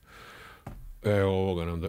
I tako. Tako je dosta nas, ovaj, nisam ja nek, ne, neki ono, jedinstven slučaj. Ja sam bukvalno jedno ma, mali šrapić, ima nas, puno nas ima koji radimo za inostrani izdavače. Baš puno. A reci, e, reci ti meni, da li bi se nešto promenilo da recimo nije došlo do tog tehnološkog razvoja koje ti omogućuje da ovde radiš, a da e, se to tamo dešava i da odande stiže, stiže lova, e, jel bi onda ti palo na pamet da kažeš ajde se ja ipak fizički ono prebacim negde gde, gde je to taj moj ta ili bi se ovde bavio prosto nečim drugim? Pa ne znam, ja- Ostao te to Samo veru, kakav sam, ono, verovatno bi ostao. I tetovirao, a Ma ne da, voliš ne, to. sad si imam Gde je, tamo. gde ti je tetovaža? Nemam ni jednu. Pa imaš tačkicu, rekao si sad. negde. Slučajno Pa- sam se na mašinici. Inače nemam, Tetovaža ne, je ne, tačkica. Da, da, nemam, nemam tetovaža na sebi. Nije mi to privlačilo nikad. Je. Ove su najvidljivije. Da, Ove, da, vidim tvoj da si drugar se Boban, to je- to je da, tvoj drugar da, Boban da, da, radi moj drug Boban. Pa vidi, ja sam m, tetoviranje počeo da radim bukvalno od muke. Nisam ja to hteo da radim uopšte, nego jednostavno vratio sam se u Suboticu i šta sad, majstore?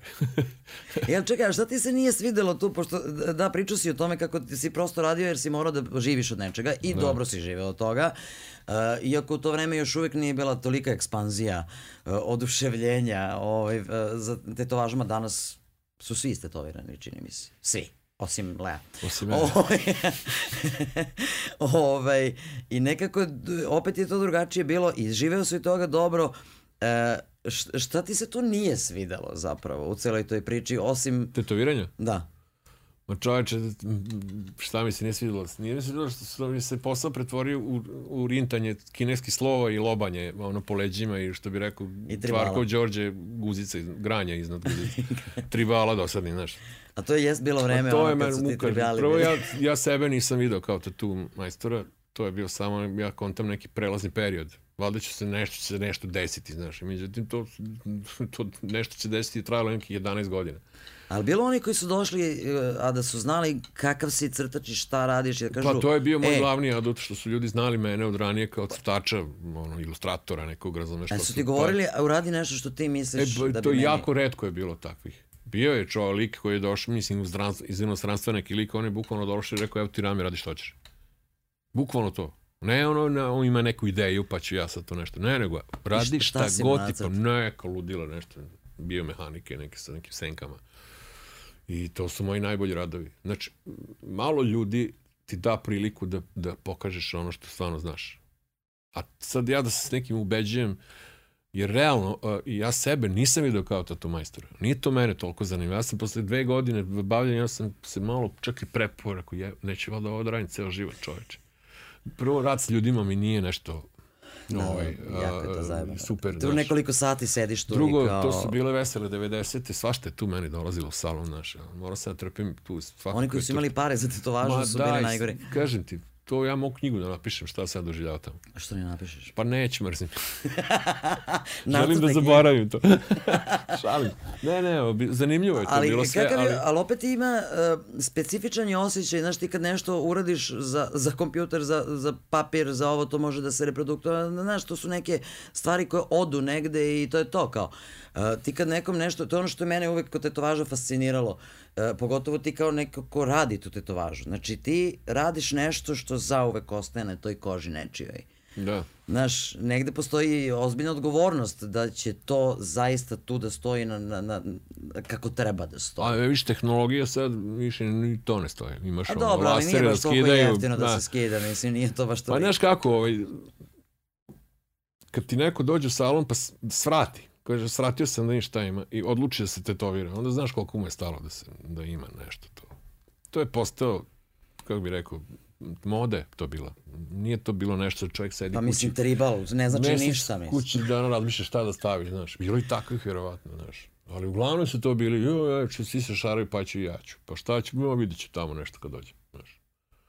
Kao ođeš u, ne znam, kupiš patike, gledaš patike, evo već. Tako i, već, veruj mi, 70% mi je tako Bar nisi došlo. zakačio one JNA i one gole To sam žene. prepravljao uglavnom. da, da, bi- jedno vreme sam samo to radio, te kavere tih starih, ono, vodila. JNA. Poludeo sam čovječ. I oni što su sami sebe ovaj, šarali. svašta je to bilo. Jo, imam čak i slika nekih. To je ludilo. Da ne veruješ šta su ljudi donosili. Da ima, imate tu majstora koji ne, ni ne rade prepravke, ne zanima ih Pa to. to je muka Koliko kad znaš. ti donesu tako neko čudo iz vojske, mislim, niti vidiš šta je ono, koji, šta ti to predstavlja pod jedan, šta tu, šta je to? ne možda, mrlja jedna, kako ne onako vidiš, to su dvoje mrlja. njih što se ljube kao srce neko. Pa da, bilo je svašta tu. E, Viš, ovaj, svoje vremeno je baš Boban izgovorio kako ovaj, ne treba te stare tetovaže i prve tetovaže dirati. Kao prosto Pa da, su da. deo nekog vremena, ali Jest. Upravo je. da, ali ovaj, da, da si ti recimo kojim slučajem imao to i ona, pošto si bio u vojsci, jel bi je prepravio? Ne, ne, ne, na pamet mi nije padalo. Gola ženska. Pa da, pa I bilo ime, je tu. ženino ime. Bilo je tu imena prekriženih i brojeve telefona i tablica. Čekaj, to nije vic, da su stvarno Nije, prekrižavali. Ne, ne, ne, nije, nije. Bilo je tu i tablica. Ovaj, Kakve bre tablice? Auto tablica. Kako, tetovirali su Da, tablice? da, da. Čovjek ima tako neku nesretnu ne, ne znam kako to da nazovem. Ne, Ja moram, Deset dana nekog pijanstva ludog, on se došao sebi i bio je šavišaran tako s tim nekim podacima glupovim. Broj telefona, tablice, čak i na čelu je nešto krenuo da radi. Mislim, ne on, nego neki ortaci s kim je bio. Ne, ne se ni s kim je bio. To me sad podsjetilo na najjaču tetovažu koju sam ja videla u životu, ovaj, ne u vizualnom smislu, a videla sam je letos u Dalmaciji, uh, kod jednog dečka iz Sinja, uh, koji ima iza kolena istetovirano iza kolina. I kaže, hteo sam ovde da napišem lakat. Jedna od najjačih ovaj, anegdota iz tog mog kratkog veka tetoviranja koji traje nekih 11 godina je bio lik sa telefonom. Da. Lik sa telefonom, to je bilo 90 i rekao 7, 8. Po pojava prvih nekih mobilnih telefona, to su bile one cigle od, u kožnim onim povezima. I penje se lik s telefonom i ovako mi kaže, jel možeš ti meni da istetoviraš ovaj telefon? Ja, ono kupo, može, druže, brate, veš mašinu, nije problem. Nokia. Već on u glavi mu spasio mu život, telefon, smuva ribu na njemu. Maš, ono, znači mu kao. Ja, super, bravo, ma joj, brast, e, jako mi znači to, ako bi mu radio čoveče, ne mogu da ga prodam, znaš. A bio sam kod ovih što štampaju, što fotokopiraju, niko neće. Jo, rekao, stani, čekaj, druže, šta se dešava tu, kakvi štampari, kakve fotokopije, evo te. O čemu se radi? Znaš šta je čovjek teo? Da mu utetoviram brojeve u one, one gumene ove, tipke su se izlizale, oni brojevi su se bili nestali potpuno, jedno ja utetoviram te brojeve u te, u te tipke. Takve stvari sam ja doživljavao. Ja ne znam šta bi ti video, Da, da. Ne znam šta bi ti rekla. Pa ništa, ja mu rekao, Ne pa ne može, znaš, pa ne, to ne može. Ne, Kako- ne, kako nemam ne- reakciju na E, ovo. Znaš ti kako se čovjek ono, ne naljutio, nego se potpuno ono, spustio jebote. Kad sam mu rekao, pa ne može to druže. Kako ne može, si rekao da može? Pa ja sam mislio da ćeš te, to, telefon da tetoviram. Ti ja lud, te, te, telefon da tetoviram, nešto. Da, da, ne, nisi lud, ne, ne, ne, izvini Kad pomenu veš mašinu, imam drugara koji Da. ima veš mašinu na, na ruci. Pa daj, kažem ti, nema veze, bit će frikova, znaš, svašta će tražiti što i ne telefon. Znaš, A tako što je da... stvarno e, najluđe što si tetovirao, ono, da nije veš mašina? A mislim. joj, nemam po... Da, uglavnom Ono, te baš nešto prepravke, da, da, ono, da. prepravke te neke. I, da, dono, donose mi ljudi svoje crteže. Hoće jedan na jedan to što je nacrtao. Važi, druže. I onda tako, onda i ne pitaš A i više nisu ni- neki Pa ne crtači. pitaš ni više ni šta znači to. Ili recimo dođe, dođe lik sa slikom devojke i ja ga pitam onako, koliko ste zajedno? Dve nedelje.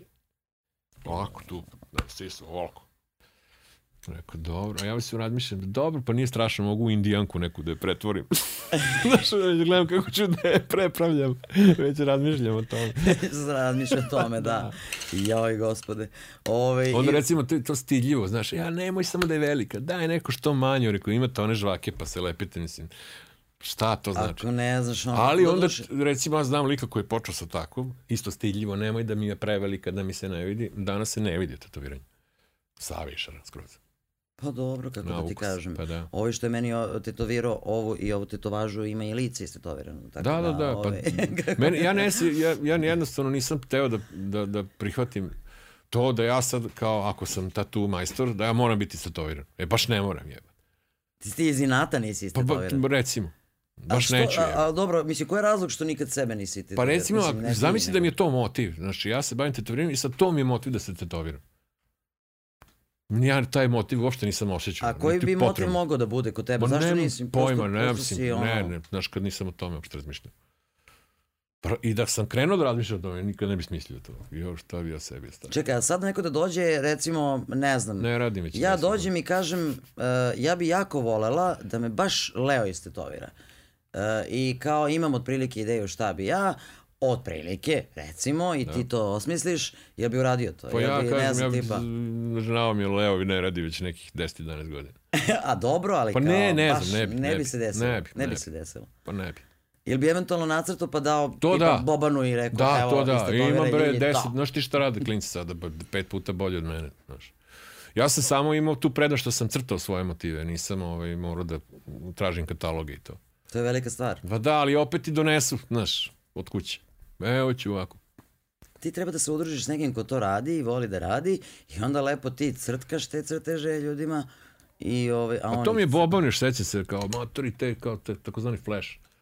To ti, ti motivi za, za kataloge koji Mhm. ljudi, što kao to možda namlatiš pare i pare. Ali nemam živaca, bre. Ne, ne, Ma ne, ja ovo, kažem, došli, došlo je posao sa tripovima i onda sam ja, laknulo mi je stvarno i onda sam kao, e, sad ćeš da radiš ono što voliš. Znaš, ja tetoviranje nisam volao. Dobro sam ga radio, stvarno imao sam i lepo sam živo toga, ne mogu da kažem. Znaš, lepe pare sam A nisi imao frku, baš ozbiljnu frku od toga da to što ti tamo nekom koža, bre čoveče, nije to, Jesam u početku. znaš, Kako početi? To nisam uopšte imao pojma. Šta sad uradim? Da zgrabim prvog na ulici i ovaj prvi put tetoviram. Opusti se, neće ništa. Imao sam da ozbiljan problem kako da krenem to uopšte. Te- Nisam ništa znao o tetoviranju, nisam znao kako mašina radi uopšte. Ali to je kao, znaš, bila ponuda. Evo ti salon, imaš i mašinice, sve samo treba da radiš. Aha, super. Kako, šta, kako se to radi?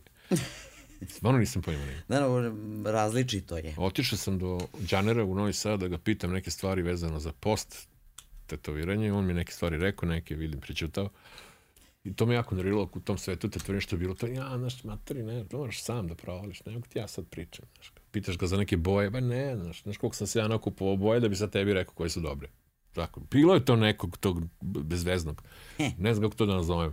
Znaš, kao sad oni se bave nekim, uh, ne znam, kako iz anatomu, viču, mudrost, ono, svemirska. A slušaj, e, ozbiljni tatu majstori su na, na Pa ceni. to kriju znaš. kao, pa da, naravno, bar, uvek doduše bili, znaš. Svi živi nešto, sve rade. Pa da. Ove, tako da i u tom poslu sad više ne možeš da u Srbiji da zaradiš normalno, ovaj, pa i odeš u neka inostranstva pa tamo radiš na... Čak sam imao ponudu u Švajcarsku da idem da radim to. 90, 2000 ili ne znam koje godine. Nisam otišao, naravno. Ovaj, nekam se. Naravno da se ne kažeš zato što živiš ono što treba da živiš. E sad, ovaj, uh, je, s obzirom to da je prošlo već više od sat vremena, a mi pričamo o crtanju, uh, ljudima može da bude malo više jasno zašto Ljilja odvojeno zove Lea iz Goblina i zašto će odvojeno da zove Goluba da. i ostatak ekipe, zato što si ti entitet za sebe s kojim može ne, da se priča Goša ne zna da crta zato. Goša, go, Goša je Golub, Branko Golubović. ovaj. Branko Golubović ne ume da crta, pa zato, zato sam ja tu. ne, ne ume ni da peva, kao što piše u njegovoj biografiji. To ti vidi s njim. Šalim se, naravno, meni najjači deo te njegove uh, knjige uh, gde on uh, pričao naravno o početcima kako je počeo s goblinima, šta je to bilo i kao oni su otprilike naj, najopoštenije čovjek priznao da nije znao da peva i da je posle nešto malo tu kao ručio, ali to je to. Da. Kao, i uh, to mi je najjača stvar kod njega i to ću prvo i da ga pitam kao kada bude došao ovde u nekom trenutku. Uh, ali taj muzički moment je opet negde išao Uporedo. Pa, uporedo, da. Bukvalno. I, ovaj, uh, I pomenuli smo već da si rekao, ja neću se od gitare leba najesti, ali opet to je ljubav neka, mislim, jesi, e, su te, tu te isto nisu podržali, su rekli Čale i Keva kao, ne, moj brat, em crtanje, ne, ne, ne, gitara. Ovo, ovaj, moja rodbina sa Kevine strane su, je prilično muzikalna. Moj, moj deda je svirao svi moji rođaci su pevali nekom horu, moj ujak je bio muzičar, danas su moja braća muzičari, znaš, sviraju. Znači, tata i građevina nisu imali šanse ovaj, u tome. ovaj, međutim, mene muzika inače zanimala, ne samo kao da je slušam, nego sam teo da znam dosta nje, pa sam kupao te džubokse, pa skupljao, pa ne, čitao ono pismo iz Londona, pa mm -hmm. formacija me zanimala, gde je svirao ovaj basista sa onim basistom levo da... Tako da, ovaj, ali, uh, i, i I imao sam naravno, zahvaljujući to, opet su to možda ne geni, ovaj, uh, osjećaj za ritam je bio. Znači, ja sam stalno čukao po, po stolu sa neki, stalno neke bubnjeve sam. Da, teo si budeš bubnjar. Da, teo sam bubnjar da budem. Uh, uopšte o gitari nisam razmišljao. Nego, recimo, tamo negde u 80. sam bio baš, ajde kažem, klinac, ja bih ga tineđer. Ovaj, pojavi se grupa Adam and Ants to je bio takav udarac za mene, potpuni ono, pogodak, tri u jedan čoveče. Sve što volim, ono, se pojavilo u jednom bendu. Znači, lik koji je indijanac i pirat u isto vreme i, i, i super obučen šaren skroz, ono, ima ih petorac i dva bubnjara imaju koji biju sve u 16, one burundi ritmove, one plemenski koji mene jako lože. Ko, wow, čoveč, ovaj band pravljen za mene. Apsolutno. Kao likovi stripova. I što nisi... I kao, pa, ali obe bubnjavi se čoveče, bubnjavi, to je živiš na petom spratu i malo jače kad se ono znaš razgalamiš ono kreće kucanje u radijator prvo pa onda na, na vrata pa znaš i tako a moralo je tako da sam brzo... bilo studija za vežbanje tako da sam bio skup instrument pred, pred sve ali mi eto nekako umesto toga gitara upala u ruke sasvim slučajno ovaj I onda sam rekao, Kako daj šta daš. Pa slič, slučajno, bukvalno. Moja sestra se zabavljala sa jednim dečkom koji je svirao u jednom bendu. Band se zvao Problem 79, a uopšte nije bio punk band. I neko zvuči, zvučno ima kao Problem 79. Ovaj, oni svirao bas gitaru, imaju super neku belu preciženu, sećam se. A svirali su tako neki, ono, glam, ono, hard rock obrade. I, ovaj, i, i onda sam ja išao sa njom jednom kod njega i tu se zateklo neke gitara električnih puno. Ja sam se ono tu, prvi put sam je pipno. Pa sam je uzao u ruku i onda on kaže da ti pokažem nešto. Ovo ti je E, ovo ti je A, ovo ti je D. I ja, ne, znaš, tri, i stvarno rade čoveče akordi, tri akorda super i ovaj, umeđu vremenu, ne znam zašto, da, da, da, da. Jedna od tih gitara nešto nije radila. I onda je on to meni dao da bude kod mene neko vreme kući da ja malo kao vežbam. Kad već ne radi. Na suvo, na oko električna gitara. Nešto, ne, valjda im falio neki potencijometar, otko znam. Ovaj, I ja sam to krenuo da kući ovaj, da drndam i onda je to tata moj video i ko je, viš, dobro ti to ide. Međutim, ja sam tu gitaru mu da vratim. A onda on meni kupio neku majku, moja kustaru, sačuvaj Bože, neku češku, ludilo, koji sam ja posle ne znam, nekog vremena poklonio. Ne, dao sam je za kapu neku. Menjali smo se. Okay. Samo da se reši. Električna gitara, da. električna gitara. E, onda smo drugari ja popola kupili onu Jolanu Vikomte legendarno to. Gitara, gitara koju se jedemo kupiš kod nas, mislim. Ono, za 22.000 je bilo, 220.000 je bilo u radnji, a mi smo je kupili za, za, za, za 200. Uuu. Da, ono, čovjek popusti, jer, pošto smo je polu. Ali popola, ja sto, on sto. Dve one novčanice najveće. One, one Kako se deli gitara, bre. E, i nije, on i nije svirao, on je samo kao pom pomogao da kupim gitaru, da sviram u njegovom bendu koji nikad nije ovaj, oformljen, ali gitara ostala meni, tako da sam ja s njom počeo. Moje prve korake napravio u tom smislu. I kad si shvatio da je potpuno u redu da ti budeš deo nekih bendova i da sviraš kao... A ne, nisam, on- prvo, nisam nikad imao uh, jasnu viziju niti ideju da imam svoj bend, da ja napravim bend, to. Nego sam nešto bio više u fazonu da se prilagodim neku, nekoj grupi. Da, da ne budem Nisi neki bio šaf. autorski Ne, raspoložen nisam u tom bio smislu, autorski da. kao sve ću ja i tekst i muzika, ne, ne, ne, ja sve znam. Ne, apsolutno ne. Tako da sam ovaj, I da, i u sve bendove koje sam svirao sam ušao preko dizajna, preko plakata. I preko, da, bukvalno u sve, bukvalno. I u Gobline, i u Džukele, i u, i u Iskon, i u Dramu, i u Allegro. I, ovaj, I pre nego što si došao u bendu kom si pa praktično... Prvo me zamole za neki ono, plakat, ovo, ono, ili omot. Ja ti sviraš nešto kao. Da, da, fata ti si sviraš gitaru, da, zanimljiv, da, mogu bi kao. Zašto Aj, si probu, mislim, a da, čekaj, da. a taj punk, mislim, otkud ti, uh, ovaj, zašto baš punk od svega toga? Jesi, mislim, ne deluješ kao neko ko je buntovnik, sad sam ja lud. Pa ne, ni, nisam, ja, nisam bio ti, gleda, nešto. Pa to ti kažem, znaš kao Ali ja mi sam je lud, to je kao. jedno, totalno ludilo, tvoj voz kad me udario, kad sam pistol se ču, čuo prvi put, znaš. A inače, punkere nisam volao, kako, prvi pojam o punku mi je bio Volao negativan. sam punk, ali ne, nisam volao punkere. Da, pa, pojam o punku mi je bio prvo negativan skroz. Jer, jer u školi je bilo njih tako tih ono, prvih punkera sa tim kožnim, skajanim jaknama, s tim beđajima, non stop tukli. Baš je bilo nasilja dosta. Posle škole uvek neka tuča bilo. I bilo je to tako tih. Znaš, mnogo je likova tu zalutalo, jer su mislili da ako si takav nadran da nešto naš, nasilan, da si kao da je to to. Ne. Potpuni promašaj. To je sidvišizam, ono, potpuni. Mhm. Sidiš i Pa da, ja to tako za te, kreten. raspadi uličari. Pa da, znaš, sve je okej, okay, ali alo, ima to i neke druge stvari. A međutim, recimo, i bilo mi je jasno da, recimo, band koji volim, imam 50, ne znam koliko postara kući, 2500 slika i, i prirodnu veličinu, Adam Jens, ovaj, da su oni iz, iz te priče, znaš. Ali mi je još dalje bilo kao nekako, ali to nije agresivno, nije to taj punk, ali je super mi je, razumeš? E onda jedno, jedno, jedno veče na, na, na, na drugom programu, pošto ih je bilo oni samo dva, tamo negde početkom 80-ih, Bogdan Tirnanić je u svojoj emisiji, mislim, Sala Video Manek pustio God Save the Queen. I A ti- prethodno je upozorio roditelje da uliferuju klin. decu, da, da, ali ovo ne bi trebalo da vide. Jako opasno. Kao, možda da se izazove revolucija u kući, u školi, ne znam, na poslu. I ja, ono, kao, stvarno se uplašio, kao Matorić, sad će da me izliferuje. kao. A nisam znao šta će pustiti, znaš. Možda pornić neki.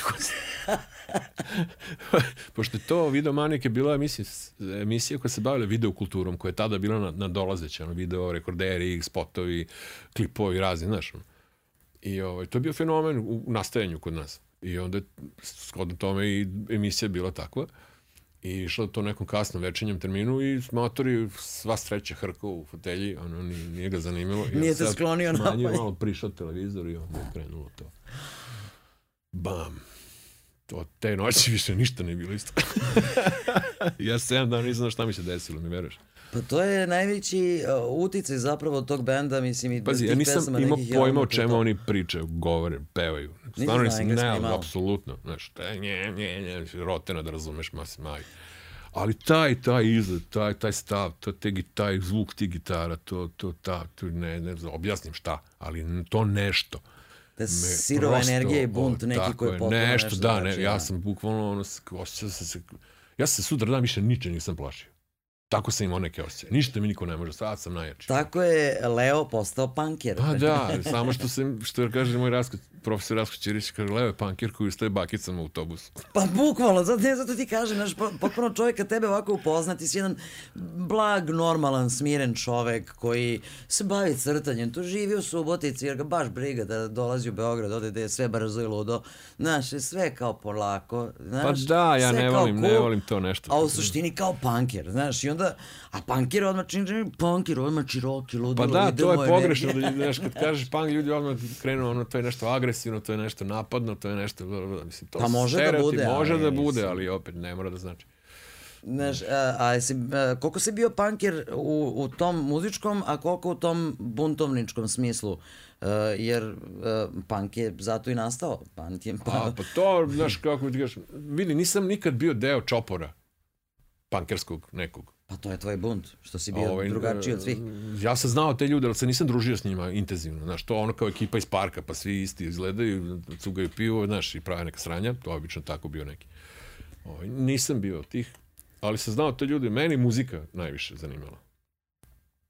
Tako da sam bio od ovih drugih tih. I dobro, ti si svoje, svoje uh, bunt izražavao i kroz druge stvari. Da, da, da, fanzini. Znaš, meni je fanzin bio isto otkriće. Uporedo kako se ovaj, javljao taj novi talas i, i punk je već bio na zalasku, ono, je kao prvi taj talas, onda je došao taj novi talas, ono post-punk i šta ti ja znam.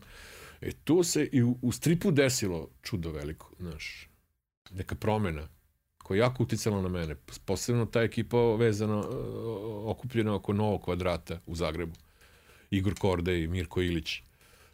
Njihovi stripovi su bili punk, new wave, potpuni ono za, za, za, za mene tada. To su bili kratke forme, potpuno neka drugačija, znači strip, superheroji su odjednom samo nestali iz moje glave, ono, kao, kao, kao uh, objekat interesovanja. Apsolutno me više nisu zanimali.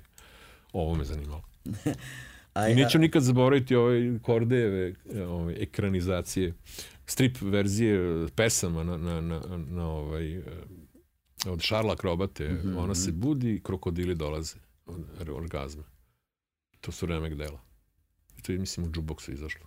Imam te brojeve kući. To su bile, to je bio punk u stripu.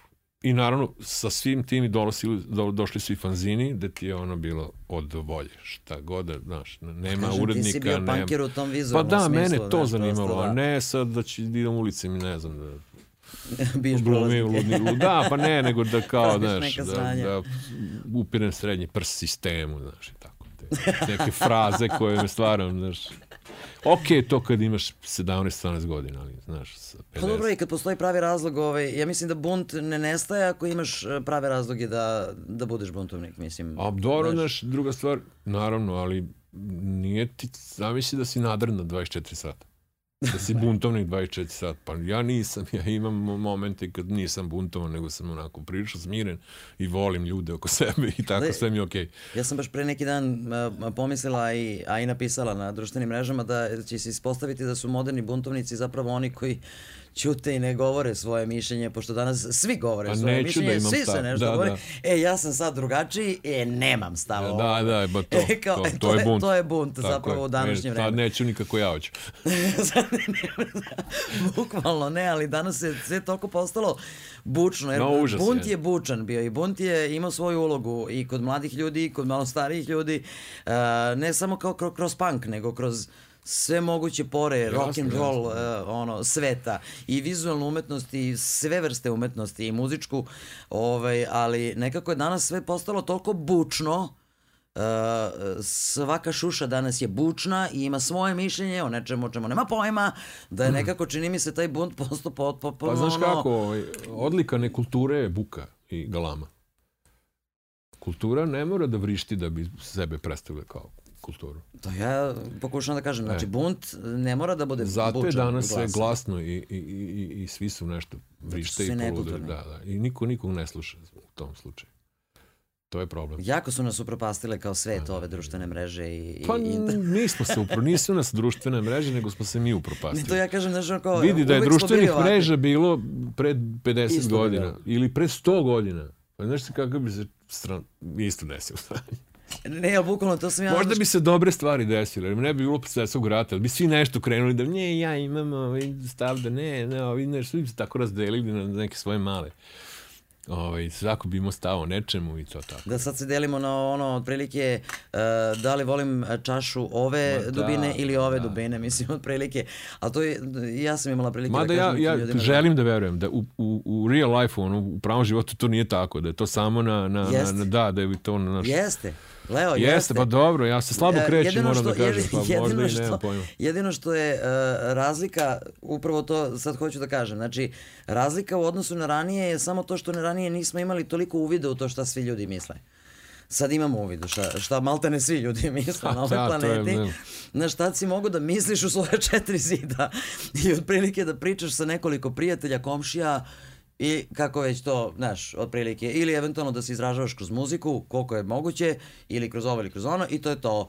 Sad, otprilike, uh, svi sve mogu u svakom trenutku da saopšte pomoću svih mogućih društvenih mreža, ima ih mnogo. Tačno, a ja se trudim da ih ne, ne shvatim ozbiljno, da uopšte celu tu stvar ne uzimam za ozbiljno. Mislim da ljudi previše uzimaju za ozbiljno bilo šta, mislim, znaš, kad pročitaju nešto pa sad mi iznerviraju, a, kako to sad tako, mislim, pusti ga, čovjek.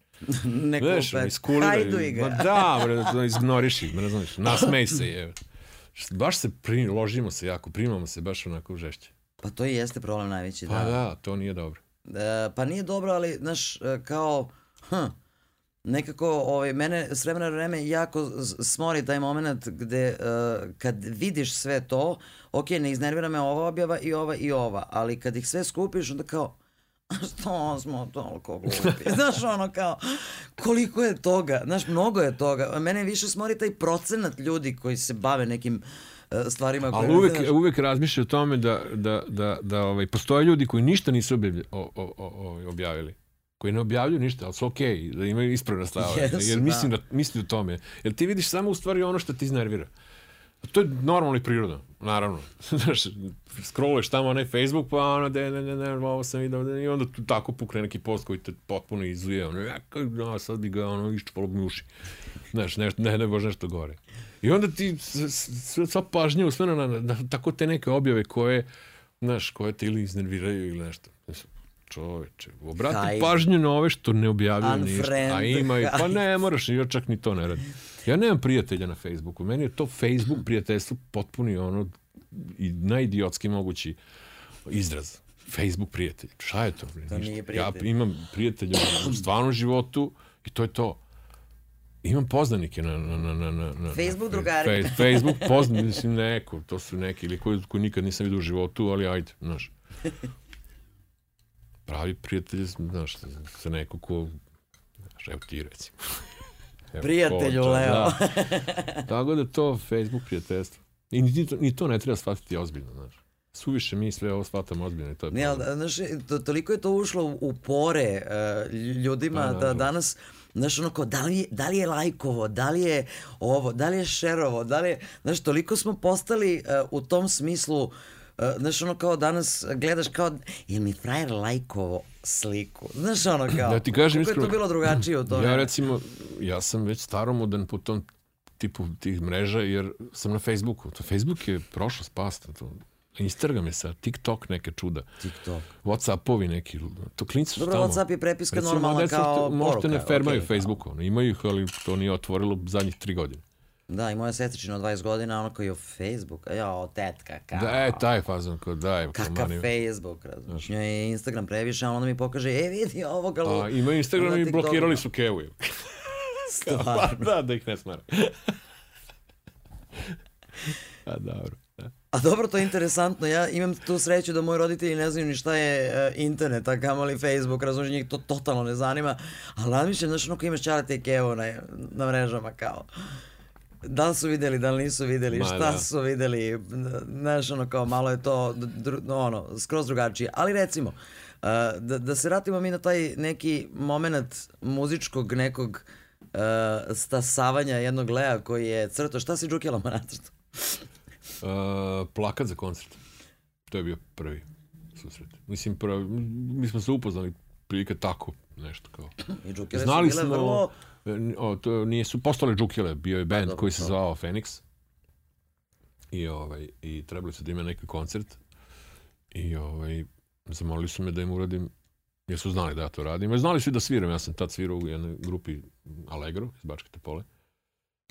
I tako smo se ovaj, malo mi skontali, pa je onda pala ideja da im za, za drug, kao druga gitara ne- neko snimanje, neki koncert da se odradi kao s dve gitare, pa ako bi ja tu leteo par pesama samo kao, znaš, čisto da čuju kako zvuče dve gitare. I onda smo se na neko, kod nekog drugara ja i Bana našli zajednički onako s gitarama, pa smo malo džemovali. I onda je ovaj, došlo do toga da I Džukile, koliko god to značno delovalo sad uh, kao neko tamo ime iz prošlosti, oni su imali vrlo zanimljiv neki moment u to vreme kad, pa, kad je taj band postojao i ostavili su neke potpuno, tragove. Potpuno neočekivano, znaš. Zato ima tu draž, kad ti ne očekuješ ništa, onda se desi nešto tako. Sve počne kao naivno, ono, zezanje. Meni je to prilo jako, zato što su Bana i Draža uh, mlađi, mlađa generacija, oni su šest godina mlađi od mene. I ovaj, to mi je nekako bilo interes, interesantnije nego da sviram recimo s vršnjacima svojim. Ne znam zašto, ali bilo mi je skroz cool. Valjda ta njihova mladalačka energija, a ja amator. mnogo, jako. Ja mnogo amator, da. imao sam 20, ne znam, jednu godinu. I, ovaj, I onda to tako, drugačiji muzički ukusi se spoje, znaš, ja iz tog nekog punk rock sveta, Bane na Motorheadima, majkama, ne znam, Draža na nekoj Beatles sceni, ono, Nirvana fazon, grunge. I spoje se u džukele. Da, i Rudi koji je bio, ono, ritam i blues, znaš. I to, to su džukele, da. I šta ti je bilo iz tog perioda sa njima najinteresantnije, onako da kažeš je kao... Pa taj prvi, te, ti prvi ono... momenti su bili naj, meni najjači. Ja se jedva čekao probu čoveče. Ne ja, nego svi smo bili ono, baš nagrejani, na, napaljeni kao... I ovaj, grizli smo stvarno. Nije to bilo samo zezanje. Znam da nije bilo nego zezanje. Nego smo kao, ajde već kad smo nešto radimo da to je bilo ono kao kad su krenuli da te kradu ovaj, goblini, bilo ono kao u fazonu, ne, ne, kao džukile i onda bilo, e, sad sam na nekoj pauzi nešto, ono, pa dobro, evo sad ću sviram s goblini. ne, ne, to, to je Tebi bilo... Tebi su džukile bile nekako jeste, kao, ono, to je primarni to. Kao. band, to mi je da. bilo kao, znaš. I to sa goblinima je bio dogovor, to nije bilo, znaš, to je ja nešto. bude samo kao ajde. Kao, da, da, znaš. to je bilo dogovor da ja pređem jednu godinu s njima da bi, nešto, da bi svirao je.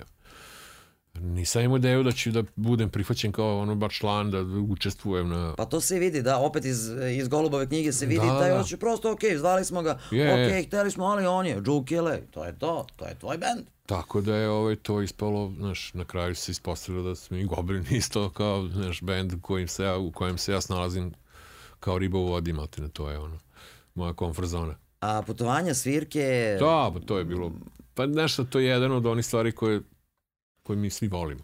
ja još uvek. Da. Još uvek, e, pa da. to se tada pitam, znaš, ono kad kažu, da dobro, tad smo bili mladi, de, to sad, mislim, tad se išlo i busevima, vozovima, Jeste. nečijim kolima, pa ovo, pa ono, znaš, ono kao... Ja... Zaječarsku gitarijadu smo išli vozom, je, to je, ne znam to je trajalo večnost, je, ne znam kako smo stigli tamo, da.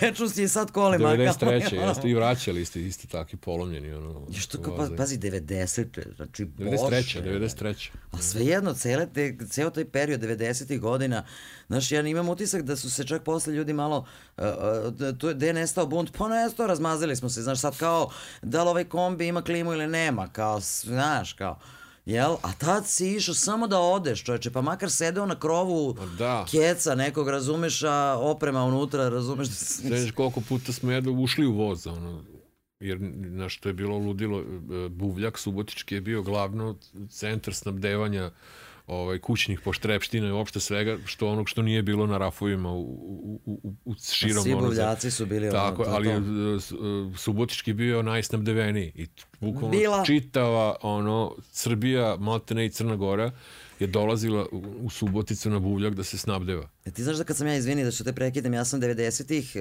trenirala atletiku. Imali smo takmičenja u Senti i u Subotici, Aha. pošto je tamo u Subotici bila tartan staza i u Senti, da, da. za razliku od drugih stadionu, nekih silnih, da. da, da.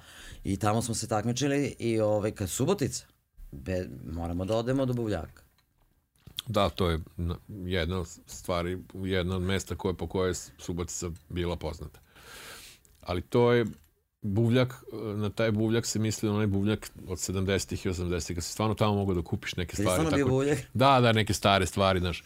Ovo je postala jedna velika, kako bih rekao, pripijaca tih stvari i onda kažem, to su nastavno ljudi non stop, znači ti si imao neprekle, ne, neprekidnu kolonu ljudi od, od, od ženičke stanice do buvljaka i nazad. To je ovako išlo. Ovi stižu s praznim torbama, ovi s punim idu i, i tako se sve to meni. I onda u vozu, ako, dođe, ako dobiješ mesto, to... Kondukteri nisu ni radili, znaš. Hoće lik da uđe karte da cepa, mislim. Dobro, niste plaćali karte. Ko sardine složeni svi, razumeš, sa sve onim torbama. A čekaj, do, Čudo. do Zaječara, mislim. Pa da, da, da. Ne, mislim, to je bio svakodnevni prevoz takav, znaš. Ja, putovali smo mi tako i do Beograda i do Novog Sada. I po Beogradu. Da, da, i meni je to bilo kao navika, totalno. To su 90. Teo Da. sam desile 90. Da, da. A čekaj, a oprema za svirke, pa znaš, ono drugačije je bilo. Znaš, imali ste vi tu svoje instrumente i sve, ali nije bilo to toliko jednostavno Ne, sad i nije. nabaviti i promeniti i, znaš, Pa malo štab, malo kanap, uglavnom se, smo, se, smo se snalazili, znaš. To, ste pomagali jedni drugima. pa jesmo, ja mislim, da. Čini mi se mnogo više nego što se danas pomaže. Pa sad, danas ne znam kakvi su odnosi među tih mla, mlađih bendova, ali mi, mi smo se onako dosta, ako, znaš, respekt je dovoljan, ne mora sad neko da ti, ne znam kako pomaže, i respekt je dovoljan, samo poštovanje meni je puna kapa, znaš. I ti si onda ovaj, tu e, došao u band koji je već ono imao neko ime koliko god, a mislim vi ste svi u suštini bili klinci tad. A pitaš me za Goblin? I za Gobline, da. Da, da, pa naravno. S- Mi smo, sve te godine neke naše kao... karijere su bukvalno išle identično isti, isti, isto vreme. 92. nastali Goblini, 92. sam ja došao u, u, u Fenix i postali smo džukile. I, ovaj, i, i maltene već posle godinu dana smo se mi našli na nekoj zajedničkoj svirci, da smo se upoznali. Da smo da je bila prva I bila je kao- scena, boga mi, ozbiljna tad. Pa, Punk rock scena. Mislim, ozbiljno u smislu, bilo vas je. Mislim, bilo je bilo je bendova, koji nije, su da. ostali do dana današnjeg, ono... Te 90. su bile i zanimljive po tome što je nekako, moram kažem, provincija ovaj, dala ne, neke stvari da ostanu zapamćenje. Znaš, Bijesovi, Milanovac, Zrenjanin, Novi Sad, Da, je rekla mi inače Milana te pitam Šabac, za znaš. e, vojvođansku punk scenu ovaj, i ono, Pa ne, pratim ja scenu, ja. u to vreme. Upravo mi je poslala poruku. Šta kažeš? Milana mi je upravo poslala poruku. Eto vidiš. Ko? Milena. A, Milena, da, da, da. Vojvodinska pan scena, pa ima dobra knjiga, ovaj, Igora Todorovića Zgroa i Save Savića, ovaj, Mhm. novosadska punk verzija, koja je ovako dosta dobro opisuje punk scenu od početaka pa do maltene današnje dana, pošto ima to prošireno izdanje. Ono. ali vidi dosta Ali to je novosadska punk scena, ajde. Da, ali vidi, dosta je vojvođanskih punk uh, uh, i rock bendova ostalo tu gde jeste. Pa a vi onako najpoznatiji- Svi, a da, ali vi svi mirni, Najpoznatiji fini. punk band je iz Novog Sada, Pajkinška fatka, mislim o čemu pričam. Ali, ne, ne, ali ti kad nabrojiš tu neke punk rock bendove koji do dana današnjeg su ostali imena ili i dalje sviraju, e, nekako, sve nekako ide ka toj Vojvodini, a vi svi kao fini. Znaš, A pomislio vidi- bi čovjek da svirate, da svirate violinice i ono, A to mi, samo, cello, to mi samo ovako se predstavljamo kao fine, u stvari smo. A, Pa to ti Veštije. kažem, kao, gde se rađa bunt kod jednog Vojvođanina, razumeš, ono, kako, protiv čega ste se Kad bunili? nestane švargle, da vidiš. Švargle. Pa nemam pojma, razumeš. Sad zavisi kako ljudi smatraju, s- shvataju bunt. Da šta je bunt? Da je, da li je bunt nešto kad ti a, vrištiš protiv nekoga ili jednostavno kad jednostavno ne pristaješ da radiš neke stvari ili radiš neke druge. I to može biti bunt. Ali muzički? Muzički, znaš, opet je tu negde izašlo to Vidi, nešto. materijala za bunt imaš 24-7. Biraj. No, kup, kup u ogromnom supermarketu. Samo kao ću ovo, hoću, hoću primitivizam, hoću ono, glupost, hoću ono, šta, šta god. A, a, I sad, a, šta ti je, ono, kad si shvatio da ćeš stvarno da ostaneš u tim goblinima i da je to to sad kao, Ma nidi, ja nik, nikada ovaj, i dan danas. ne znam, ja, znaš, ne ja mogu sam da i dalje proričem. privremeno u A ne, goblinima. vezi, da, da, da. Uh, prošle godinu dana, momci su se vratili iz vojske, ja sam se vratio u Džukevu. To da. Ovaj, moram da kažem da mi, mi je s jedne strane bilo malo i teško. Jer sam se navikao na jednu drugu, drugačiju ekipu. Goblini su drugačija familija od Džukila. Ne kažem ništa, u, ovi su dobri, ovi su Prosto loši. drugačije, Jedno ne, su ne, prosto naravno. drugačiji odnosi u, u bendu jednostavno. I ovaj, ja sam se navikao, mnogo mi je više nekako prijelo u Goblinima. Možda i generacijski je to bilo. Možda i zbog toga što smo manje više isti, isti muzičke uzore imali. I, i, i možda i zbog toga, znaš. Drugo, znaš kako goblini su, ono, znaš, kad nešto treba da se radi, tu svi zapnu. Znaš, to tu nema, to ko familija, znaš, ko jedan. I ovaj, to, na, to, na to sam se navikao i jednostavno, znaš, sam se vratio u Džukele, da sam se opet morao ponovo da se navikam. Drugo, godinu dana prošli ljudi su bili u vojsci, neka promena se desila, znaš Da, da. normalna neka promena i onda tako smo se nekako sve više razilazili i muzički i, i to i ovaj ali nisam znao nisam razmišljao, ni, nisam ni pomišljao to da kao, ej, ne, izvini, ja ću ipak s goblinima dosta. Iako su me ljudi ono pit, rekli, a, uvek su ti vrate, ono, dođe, da. Znaš, tako da, ovaj, došle sa, sa, sa, Sala Šetka je umesto mene i nastavili smo naše priče do, do Goblin, do 2000-ih. I mi još dve godine smo izdurali i onda se sve to završilo. I goblini postadoše... Da, i onda su se ponovo vratili. Ja sam se jako bio oduševio kad sam čuo tu vest da će se ovaj ponovo skupiti. Bilo mi je jako drago zato što znam da, se, da su se rastali, nisu se baš rastali onako u najboljem ovaj, duhu, što je Golub samo u priči, u knjizi opisuje. Ja, to, a to je meni bilo nezamislivo, ja nisam to mogao da zamislim, da se oni uopšte tako nekako raziđu. Da, izvini, e, što te prekidam, interesantno je baš kad pominjamo i tu knjigu, znaš, e, i ti dok, či, mislim, sad kad gledaš sa strane, e, kao neko ko sluša to godinama, bla, bla, bla, onda, pa dobro, raspali se, ne raspali se, skupili se, ne skupili se. I onda kad čitaš tu i to, kad vidiš koliko su, kako su se skupili, kako su radili, kako Ko su to razmišljali, priča, koliko su bili, e, ono, ko, za početak oni, pa posle ti s njima nekako familija, nekako ste bili baš ono, super, i onda odjednom kao, znaš, pa kao, da, znaš, ja i dan danas mi je taj fenomen, to, ta sudbina luda, ludačka, taj rat, viš to ludilo kako je, kako je is- iskockao sve neke stvari da se ono potroši. Mislim, stvarno grozno zvuči, recimo da rat, da nije bilo rata, ne bi bilo goblina. Znaš, to je jako grozno zvuči, ali da, praktično je da tako. su Aleni Ali mislim, to, došli, da. to, meni to dan danas mi je, evo danas kad smo u prostoriji, znači, ja sam iz Subotice, ono, odrastao u jednom svom okruženju sa, sa nekim svojim tripovima. O, dvojica su bili iz Karlovca, potpuno iz drugog nekog filma. Ovo je jedini šapcu. Ovo je Dripac i Šapca, razumeš, i kako se to sve, te neke energije I onda sad kad probaju se skupe u Batajnici. I sad se, znaš, mi smo band koji živi u četiri grada i dva kontinenta, je. To boli kad kažeš. Pa da, ali nekako i dalje kad vas čovjek gleda bar sa strane, to, to je ne, neka ne, ne, neka tu neverovatna veza postoji. Pa jeste, nismo, Baš- baš se- nismo poznanici, niti, to. niti samo bende nekih likova. Mi smo malo više od toga, mislim, posle ovoliko godina.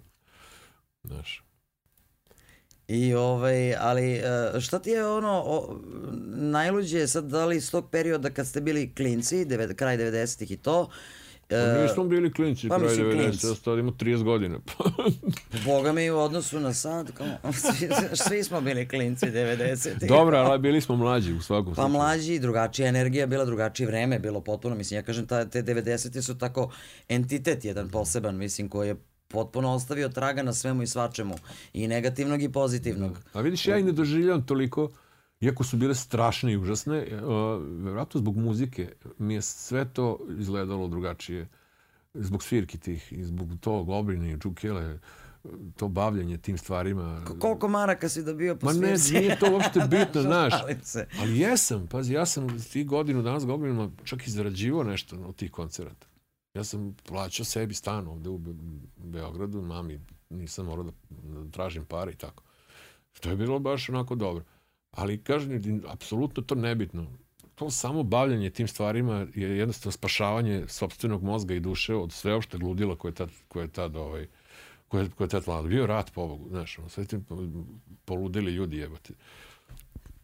Ali opet vidim da smo nešto ni- nismo naučili kako Ovaj, treba, evo nas opet. Ali nije ovo dobro, mislim, e, nije to samo vas koji ste e, se bavili ne, muzikom naravno. spasilo. Spasilo je mnogo Mnoge drugih nas, ljudi. tako je. Znaš, nekako ja ljudi. se sećam, uh, mislim, ja sam za Gobline čula od uh, tadašnje najbolje drugarice s kojom sam trenirala. Ja, na primjer, se nisam bavila muzikom uopšte, bar ne na taj na, neki način. Nisam se nešto ložila da idem po tim demijama i ovo i ono. Mislim, ja sam 90-ih bila klinka, tinejdžer u suštini. Ovaj, uh, ortakinja koja kao, jao, vidio je band kao Goblini, razumeš, pa ono kao i dan, do, do skoro se ložila na goluba, kao jao, vidi ga. Znaš, a više iz tog nekog kao osjećaja kao on je tamo nešto i taj neki bunt je svima nama, mislim nama su to, to, to neki potpuno periodi koji su nam uh, spašavali misli i A dušu tu i dobrih- mesta gde su se onaj okupljali. prostor, ne znam da se sećaš šta je. U Prostor? Sarajevskoj, da. Jeste. Ja To su tamo kao klinka vodila me starija sestra u prostor. Izvini. Molim te. Bilo dobre svirke tamo, to je bilo dobro mesto. I prostor, i akademija, Da. i KST. Pa na i... akademiji smo sa Goblinima svirali, ovaj, zajednički u svirku. Mi smo izvali, nama, je- nas je Ambrozić, Ambrozić zvao, a mi smo rekli da bi hteli da to podelimo s Goblinima, pa je tako bilo. I onda kao overili I smo akademiju, mesto. znaš, to kao da svirao CBGB, iz našeg to nekog ugla, Pa ono, znaš, akademija je akademija. Kad smo kod CBGB-a, znaš šta, Goblini nisu svirali u festu zemonskom, tako da ja Biće, ne znam. Bogu znaš- hvala nego postoji još uvek, sviraće. Postoji 30 godina, verovo ili ne. Da, da, da. Da. Sviraće se bez brige.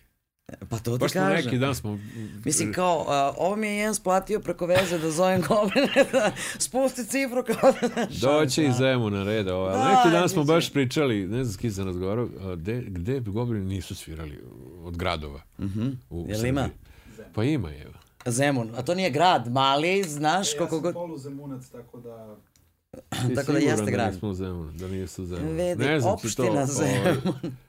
ovaj, uglavnom, Kikinda nije svirana. Kako je to moguće? E, to ne znam. Ja u životu Kikinda nisam nije bio u mali Kikindi, mislim, da. Znam, ali ja nisam bio u životu tamo. To je neka Kin- Kikinda je stvarno onako negde, skrajnuta jeba. I mislim da Pirot, ne, Pirot nisu svirali. Pirot i Kikinda. A ove ostale sve, valjda jesu. Ja reci ti meni koliko je, mislim dobro iz tvog ugla sad, koliko se promenio taj moment Znaš, svirati s goblinima u to vreme i jedno vreme posle toga sve šta se izdešavalo, ok, to je bila jedna energija, jedan drive i potpuno drugačija je scena bila, drugačiji su, drugačija je publika bila, Da, drugačije je sve izgledalo i onda se tu na, desi ta neka pauza uh, i sad ka, kontam da ste se umeđu vremenu i vi promenili malo kao ljudi. Mislim, Pa desio činjenica. nam se život svima. Naravno, svi su nešto imali svoje neke priče. Ovaj, promenila se ta publika koliko toliko. Im, Odrasli su ljudi i njima se desilo nešto umeđu vremenu. Jeste. Scena se promenila, Pa da, rock scena. normalno, da. Znaš, sve se promenilo.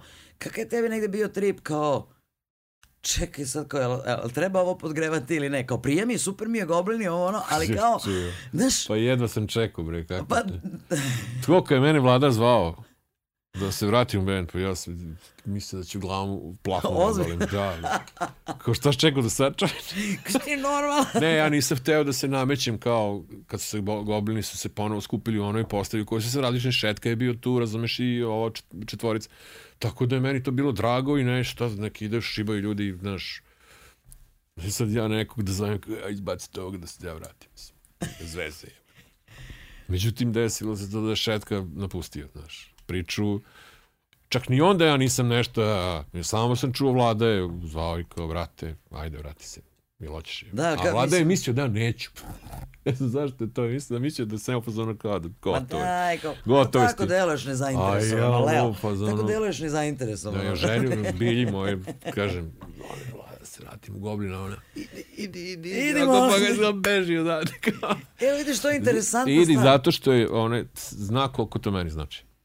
E, vidiš, to je interesantno. Ovaj, ja u suštini manje više izbegavam da s ljudima pričam o privatnom životu, naravno nismo ta, tabloid, jel? Ma da. Ali, postoji tu jedna interesantna stvar kod ovaj, um, i kod tvoje generacije i kod nekih drugih generacija, um, jednog određenog čak nerazumevanja, pogotovo što ste vi bili, mislim, to su bre svirke kakve čak ovi današnji klinici ne mogu da zamisle kako je to izgledalo, gde ste sve bili, šta ste sve radili, kuda ste sve, znaš ono kao, i, i drugo, drugo, znaš odeš na turneju, pa putuješ, pa si ovde, pa si onde, pa te napadaju, pa te obožavaju, pa tako moja drugarica kaže, ja Leo, šteta što je oženjen i te fore, znaš, ima takve majke mi.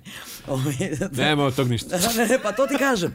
A, znaš, mnogo njih Ta je... slava, to, ta poznatost, to, to, ne. Ne, ne, ne, ne mislim u smislu slave, nego, znaš, pa, prosto uh, treba imati uh, vrlo često uh, puno energije da se sačuva taj neki privatan život na pravi način, da se sačuva dugogodišnji, više decenijski brak. E, pa da. Kako da. treba Sad da se sačuva. šta, šta govoriš. Da. Znaš, mnogo je potrebno i sa stra, od strane te osobe sa kojom si, a koja se, koliko ja sam ne svat, ona se ne bavi muzikom ni na Ne, ne, ne. 31 godinu smo zajedno. E, to, to, to je ono što čemu ti pričam, znaš, e, pogotovo kod ljudi koji se ne bave o, time na bilo koji način, koji ne mogu baš uvek da shvate.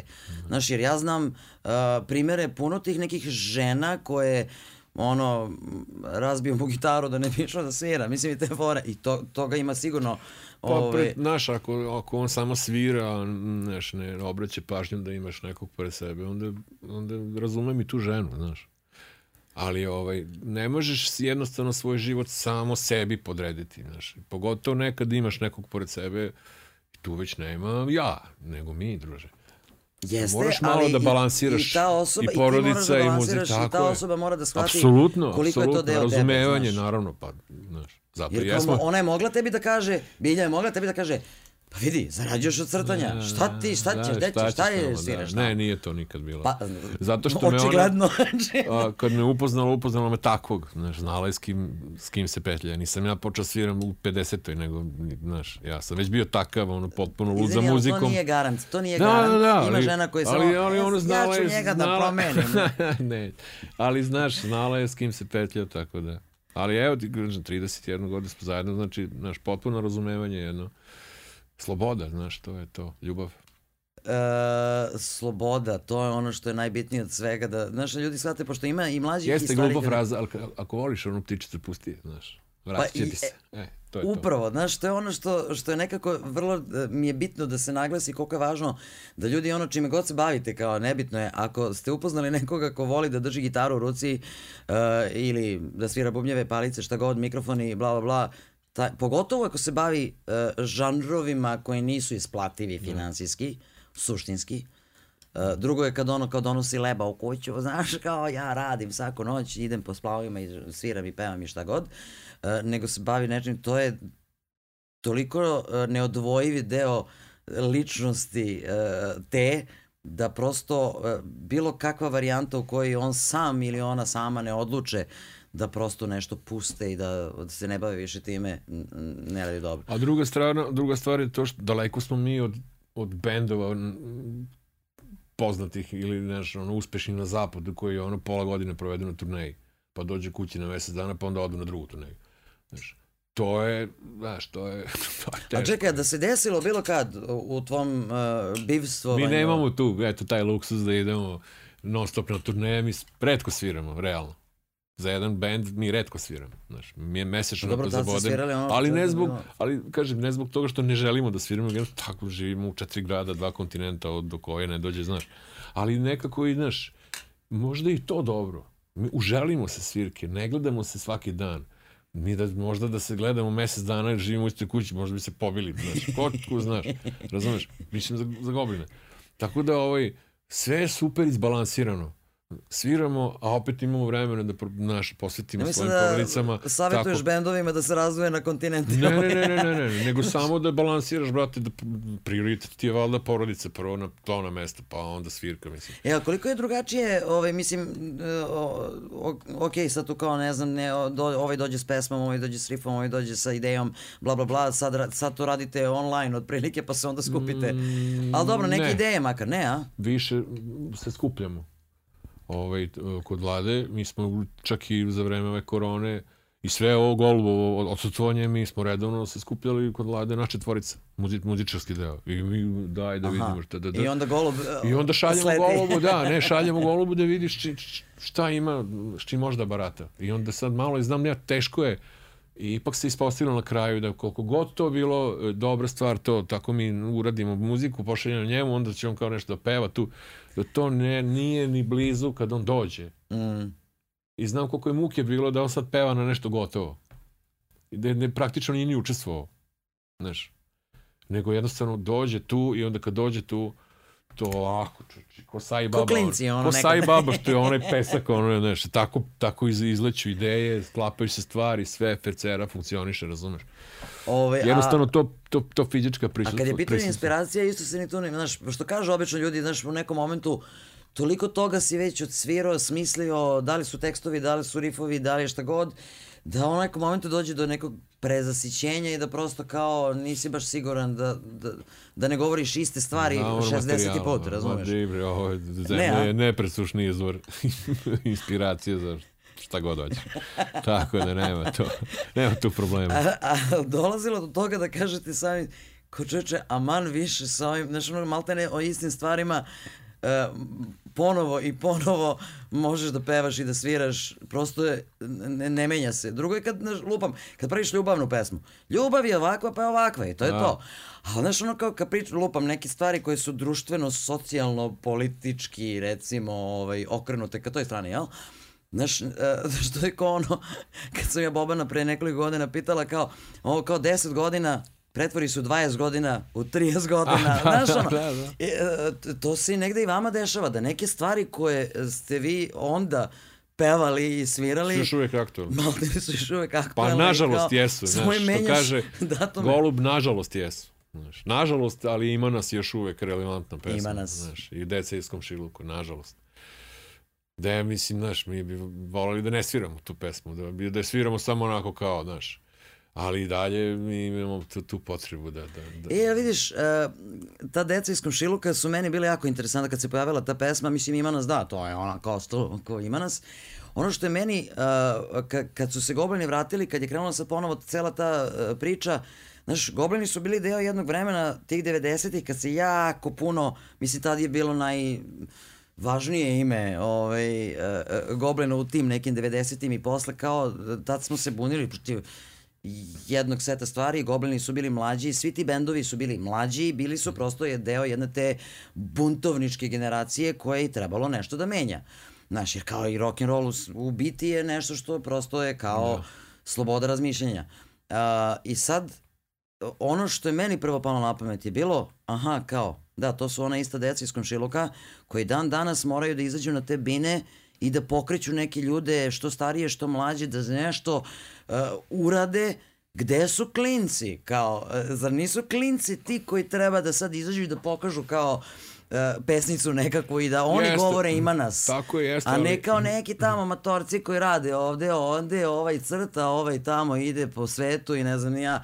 Kao, znaš, pomislit će neko, šta ovaj meni priča? Pa ne, da, da, da, da, ljudi ne shvate pogledno, niti mi upiramo prstom u klince, da ih nešto prozivamo, a, kao kakvi ste, Ne, viš kako mi stari, sad Naprotiv. nešto moramo se cimamo levo desno. Mi smo se uvek obraćali klincima. I 90-ih i sada, jer nas oni valjda jedino razumeju. Znaš. Jel vas i ovi novi klinci razumeju na isti način, a? Vidi. Jer ona je bila ona generacija, Ja- znaš, ima pa- ljudi koji misle da prosto uh, uh, ono, zvezde vodilje muzičke treba da budu ljudi koji su manje više sličnih generacija, da prosto kao vuku tu generaciju. Pa čuj, ne, ne ovo su- vidi, ako je jedan od tih klinaca uzeo napravio band, ja, my mission is done, ono, kako ti kažem, znaš, a sigurno ih ima više. Ili da je uradio nešto dobro za sebe.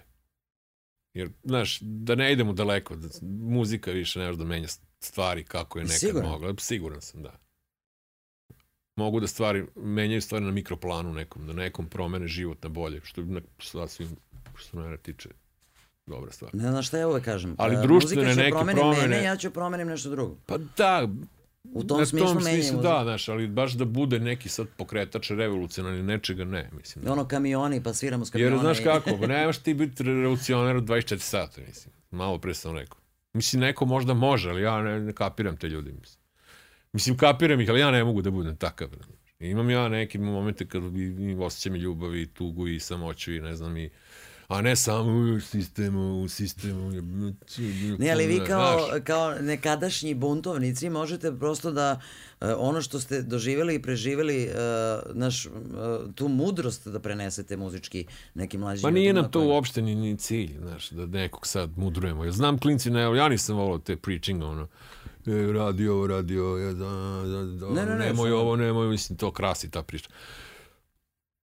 Mi da pričamo budete ono, zato što smo mi još uvek ti klinci. Mi kad kažemo, mi smo isto ona decitskom šilikom, ne, nije neka fraza kao sad mi smo, mi smo, mi, ne, mi smo bre klinci još uvek. U, tu, volimo bre da sviramo, čoveče, bre, šta je? Igram igrice kući i sviram, i crtam stripove i sviram u punk, ono, ono, jebote Ti si čoveče. ostvario sa nove svakog Pa jesam, dečaka zato tih kažem, godina, okej. bukvalno, stripovi muzika Da, da. i kao, to je to. I ovaj, zato si zadovoljan čovjek. Pa prezadovoljan. Šta da? Eto, ovaj, jel, mi, kad misliš da ćeš se umoriti od, svi- od svirke? Ne, bre. Nikad. Ne razmišljam o tome, pre svega ne razmišljam o tome. Oko dođu, doviđenja prijatno. Mislim, jedino što nećeš da skačeš sa onog postolja za Pa dobro, to, s tim je Da, malo pre smo stvarno... pričali da. baš o tome, ovaj, kako si ovako zanimljivo ovaj, povredio nogu. Da. Ka, kad je beše to bilo? Kad si rekao? 2007. 2007. He, I tad si već bio mator za I tad sam skakanje. već bio mator. Ne, to je već bio znak, druže, sada Druže, malo ozbiljnije Kad malo. kosa A ne, nemoj da skačeš. Ne, ovaj. ne, to je zašto je bilo velika pauza. Ja dugo nisam svirao rock and roll. I, i onako. A sad bi mogao. Sad bi mogao da skačem, ali ne toliko. Ali ne moram moram ja, da, moram da budem oprezan zbog, baš zbog tog udesa što sam imao. Ali, ovaj, ali krećem se dovoljno na bini.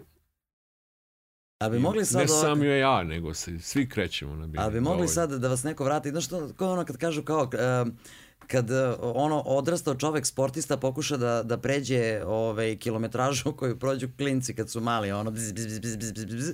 Ovaj, da li bi vi kao e, sad iskusni, ovaj, utrenirani e, rokeri e, mogli ovako e, nekoliko dana onoga što ste nekad ovaj, radili dok ste svirali onako full pa išli ne znam ovde, onde putovali, ne znam sve živo, ovaj, jel bi mogo da taj jedan dan o, mislim, nije jedan dan, jednu nedelju recimo, ili mesec dana možda, da onako odradite muški kao Če, idemo znaš kao šta? turneje.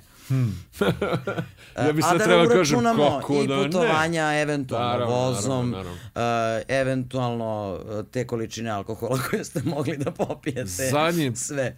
Zadnja turneja Goblina je bila, mislim, pre ne, više ne znam koliko godina. Sedam dana je bilo to. Jednu nedelju dana smo baš obišli. Subotica, Palanka, Nikšić, Trebinje, Podgorica, Pančevo. To je bila ruta. I bilo mi, boga mi, ali dobro. o, Jedno smo preživjeli, I tad, ali je neki, neki grip je vladao. Grip nas je pokosio. Strajno, ali nije ostao u Trebinju. jeste, gripa si Da, ne, ne, baš je bio gadan grip. Strajak baš hitno je morala da ga, da, ga, da, ga, da mu spušta temperaturu. Pa da. Dobro, imamo i sada grip, da. A ono je baš bio zimski period i, i znam da je u Pančevu bilo mm, dali, dali. Ali smo nagutali smo se nekih lekova i onda je ali dobro, ajde da uzmemo ovako, spustili da uzmemo- temperature i odradili. Da uzmemo mesec dana goblina Ali e, to iz za to ne znam. Ja bih volao da mi se desi mjesec dana turneje, pa da ti onda kažem. Ili to, ili kao uh, mesec dana generalno, ne samo turneje, nego i Goblini probe. se raspali posle 15 da, dana. da, da. Ne, ne, i, i putovanja i ovoga i onoga. To kako ste živjeli tad. Da uzmemo i sečemo je nekih Aha. mesec dana i da kažemo, aha, imamo i svirke i probe i... Pa što se mene tiče, ja mislim da bi okej. Jedno fizički da li to izdržali. Pa to neki, da li bi, To, ovaj, pa, sam, ne, nešto, ne. bole ruke i noge, to. Ali baš gledam sad neki snimak iz Niša od bre, znaš, ma dobri smo bre, jesmo matorci, ali bre, deremo bre lepo čoveče, skačemo po nedbini. Pa jeste. Pa da. ne, okej. zato ti pitam, jer da delujete kao band koji bi mogu to da potpuno... Pa ono, da, ja, znaš šta je problem? Nije, stvari šta nije problem? Uh, ja ne, da, taj umor uopšte ne osjećam. Do onog momenta kad uđem kući, zatvorim vrat. E tad odjednom, kao da mi... Kao da mi, da, kao da mi ovaj neko isključi ono ne, ne, neki a, taj Isključiš se iz struje. da, da, kao da me neko isključi sa, sa ono aparata za protiv bolova i kreće, kreće sve da me boli. Kao da sam oro ono, i, i kopao rukama 10 dana otprilike. Znači, izdržao bi mesec dana Ali i onda bi traje dana spao. turneja, dok traje turneja, da, to. I kombi, i put, sve, to sve super, i, i bina. A priča u kombiju? Aj, oj, to, to volimo. To. Da, Zato volim. volimo da putujemo. Pa E, nije to samo, znaš, nije to samo sviranje na Pa bini. znam. Znaš, to je mnogo dobro bre i kad se, putuje tako da odemo. Pogotovo mi to volimo, te, te zapadne turneje, mi to tako zovemo, to kad sviramo Zagreb, Ljubljanu, ne znam, Beč, ili tamo te krajeve, Rijeku, Pulu. Ovaj, t- to su nam onako baš drage, drage turnejice, pa one su obično tri koncerta, pošto Golub ne može više. Ali, ovaj, Ne fizički, nego zbog posla. pa da, da, da, da, zbog posla, dobro se mi ispravlja, sad mi on, ne više da, da da, da, mada jedno je bilo isto tako, neki grip, grip nas je ovaj, ovaj, pokosio, pa je jedan koncert bio čak i otkazan. Nije mogo, bukvalno nije mogo. Odneli, bukvalno smo ga izneli ono, sa, sa bine koliko, koliko je bilo srušilo. Neka groznica, nešto. Ali, mu kažem, volimo to, posebno taj, taj, taj, taj, taj, taj deo. Ovaj, vjerojatno i zbog što smo ono svi nešto odrasli u toj staroj, jel?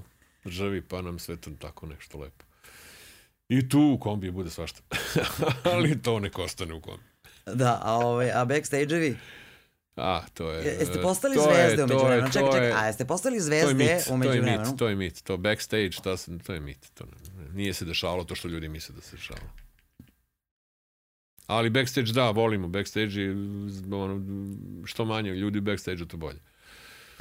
Ali se uvijek nađe neko ko tu ne treba da bude i onda... Pogotovo u poslednje vreme, znaš, ono kao, e, i, još kao je manje svirki i od kad, e, znaš, ono kao, golub lupam, nije tu po ne znam koliko i onda svi mi koji želimo da vidimo sve vas, Šta je koji, to? ja, gde si? I ko zna koliko nas je. A to mi je super što je golub taj. Ko golub. Najviše. Idi ovaj. slikaj se, eno, traže te ljudi, znaš, to mi je ono. Ali zezno me sad par zadnjih puti povuku i mene, ideš i ti sam. I kad izađeš i ti, Da, kao, evo, ja sam prvo tebe Ja zvala. Čekaj, tamo. u stvari, e, ne znam kad sam njega zvala, ali kad sleti, golub sleteo je, Tako je, da. razumeš? Mi, on je već tu, ja mislim. Jeste, jeste, nego ovaj, pričamo o nekim potpuno Da, ono da, kao e, drugim temama, ti si potpuno entitet jedan za sebe. Ali dobro imati takvog jednog, naš, frontmana koji stoji i, i, i na frontu, znaš, kao tenkovska divizija, razumiješ? I onda ti imaš tu sigurnost neku kad imaš takvog jednog. To je meni, recimo, uvijek bilo fascinantno kod Goblina, ovaj, i pre nego što sam došao, što mi je on bio onako impozantna figura koju, znaš, koja vodi ono, celu, ceo napad, znaš. Rock and roll band, Pa da, tako. i onda mi je, to mi je jako dobra stvar. Dobar osjećaj na bini imati takvog ovaj, frontmana, to je pevača. E, e, zato su goblini to što jesu. No, verovatno. Ne, ne zbog njegovih fantastičnih glasovnih mogućnosti. Sad kao, jao, golube, nećeš da se naljutiš. Ne, zbog, zbog njegove suknje. U fazonu, snimit ćemo njega pre nego što ovo bude emitovano. A evo viš, sad je počeo suknje da nosi u zadnje vreme. Neka ga, ali ima energiju kao klinac. Da. Nema kose ovaj, i to sve malo drugačije izgleda, ali opet ima nekako tu energiju kao da je on bukvalno... Pa ti ka- ti kažem, to možeš biti, ne znam, isprebijan, jedva da ideš da hodaš, ali ti kad se popneš na tu binu, kad krene ono pojačalo zuji, kad krene ceo, ono, ceo to, ja ne znam šta se desi, to je jednostavno, nisi više tu. I teško je neki put, neki put ovaj, ostati fokusiran, to je ostati na zemlji. Znaš, ej, čovječe, tu si, sviraš. Ali Alen je bio fantastičan, on ima te sulude On tako ima, seti se nekih stvari na, na, u sred pesme. Ne znam, ono, Spence, koncert godine, ne, da, pet sama ljudi ispred nas, luduju svi i uh, gruru mimo, kao nikad, razumeš. I Aki te samo odjednom cimne, ti misliš da je neka nešto, nešto, ne, nešto se nije dobro kao, no, i on uvod, ej, danas smo zvijezde sutra kući, sudovi, sad mi, Sutra Alen štampa sad majice, mi to ovaj crn. govoriš čoveče, pa ne, da, zašto sad? I onda te spusti na zemlju. Kao, Ne mora, ne, Da. Alene, nemoj to da mu radiš, kao kad ste na bini zvijezde ste. Da, da. Ne zanima A to je u šali, naravno. Naravno, da, ne, mislim, ali to je interesantno da su goblini su skroz onako svi nekako kad pogledaš članove, to, to su ličnosti neke koje kao ne može bez kokota, ne može bez zalena, ne može sad više ni bez Lea odavno, ne- bez goluba, nikako, iako on jeste frontman, ali nekako Da. vidiš te, naš vaš četvorica, ok, da izvine bubnjar, nekako je drugačije opet. Jeste Ne bi bit- mi bitan. Fircu di- Ne, dirali, ne, ja. znam, ali znaš kad uh, pitaš nas ovako, kad gledamo celu tu priču, slušamo i to kao nekako, naravno da je bitan bubnjar, mislim da ne, ne bude zabune, najbitniji nekad. Ne bubnjar, Firca je bitan. Dobro, Nije to samo da. njegovo sviranje, nego ličnost je jako bitna stvar. Ali ovaj, nekako to, to je to, znaš, otprilike sad nema više promene članova, to je to. To ste što ste, uh, Ne doj Bože da se nešto ne daj, desi. od da. ozdo, od ozdo. Ja sam bio blizu, ali ja... pa spremali se već komemorativnu turneju. Joj, brate, mili, daj, bila ona saobraćajka neka i, i koronu čovek pregrmeo prošle godine i sve ne Ali, možemo što kažu, niko pretekao ništa. sam, tako da. Ti si ko Žika Jelić iz grupe, brate, svašta, šta god da ti se desi, nema veze, tu si. Ma dobro, to je, mi volimo taj A crni, nisi ni crni basista. humor. brate. E, ovaj, a, nikako da dođemo, mislim, meni je sve ovo jako zanimljivo, naravno, ali, ovaj, a, znaš, si kao, znaš, bunta, ludilo, ajmo, crtanje, stripovi, sve, sve to super. I onda e, skontam da jako malo ljudi zna. Da, mislim, znaju kao, ali to ih uopšte ne zanima kad ste u pitanju, ono kao, iskon. Mhm. I odakle uopšte Da, ceo, da. ceo taj moment, mislim, ja znam kak, kako ste se vi tu negde ukačili, jel, otprilike, ali kao, znaš, uh, negde to, i najmanje te čini mi se pitaju za to. pa pitali su me kad je to bilo aktualno. Sad, ja već nisam Da, ali opet dugo. si dio te priče, da, kao Bio sam, da, nekako, da. uh, Pa vidi, isto kao i u svim ostalim pričama. E, ovaj vidi, imamo jednu grupu koja se bavi tradicionalnom muzikom, sjajno, super. Ovaj, treba nam logo i e, radimo koncert sad, pa ako bi mogli nešto da nam Da, ali može, kako je naravno. muzički došlo do toga da ti E, muzički je došlo, ja nisam tada svirao. Ovaj, tad sam se već, kaj kažem, bio, došla su i deca. Ovaj, I bavio sam se tetoviranjem i kao, smirio se. Ali znaš kako, ne, ne, muzika je nešto što jednostavno ne možeš, ja ne mogu bez toga, kako god, slušaj, baš to, troge od koje nema skidanja. Nema, I nema. hvala Bogu. I, ovaj, i, i sećam se, ovaj, pošto ja imam običaj da čukam po stolu neki put i nesvesno, onda je jedan od njih, mm, Sim Simjanović Srđan, je rekao da Ognjen Tapanđija ide u vojsku i treba im zamena. Ali samo zamena. Kao tapan. Ja rekao, čovječe, ja to sam vidio na slikama kako izgleda, ali kako se to svira. Ali kao, znaš, ima onu jednu veliku debelu i onu tanku praćkicu kao, znaš, tum, ta, ta, trum, ta, ovo vidiš ti Ali to je potpuno drugačija muzika od onoga što to je, nema veze, otvori se tu svet. Moja radoznalost je opet tu bila kako bi rekao, ja nisam imao ništa protiv te muzike. Nije to meni narod, narodnjačka muzika. Ne, nije. To je tradicionalna muzika koja ima sve svoje elemente, ono, emocija, svega.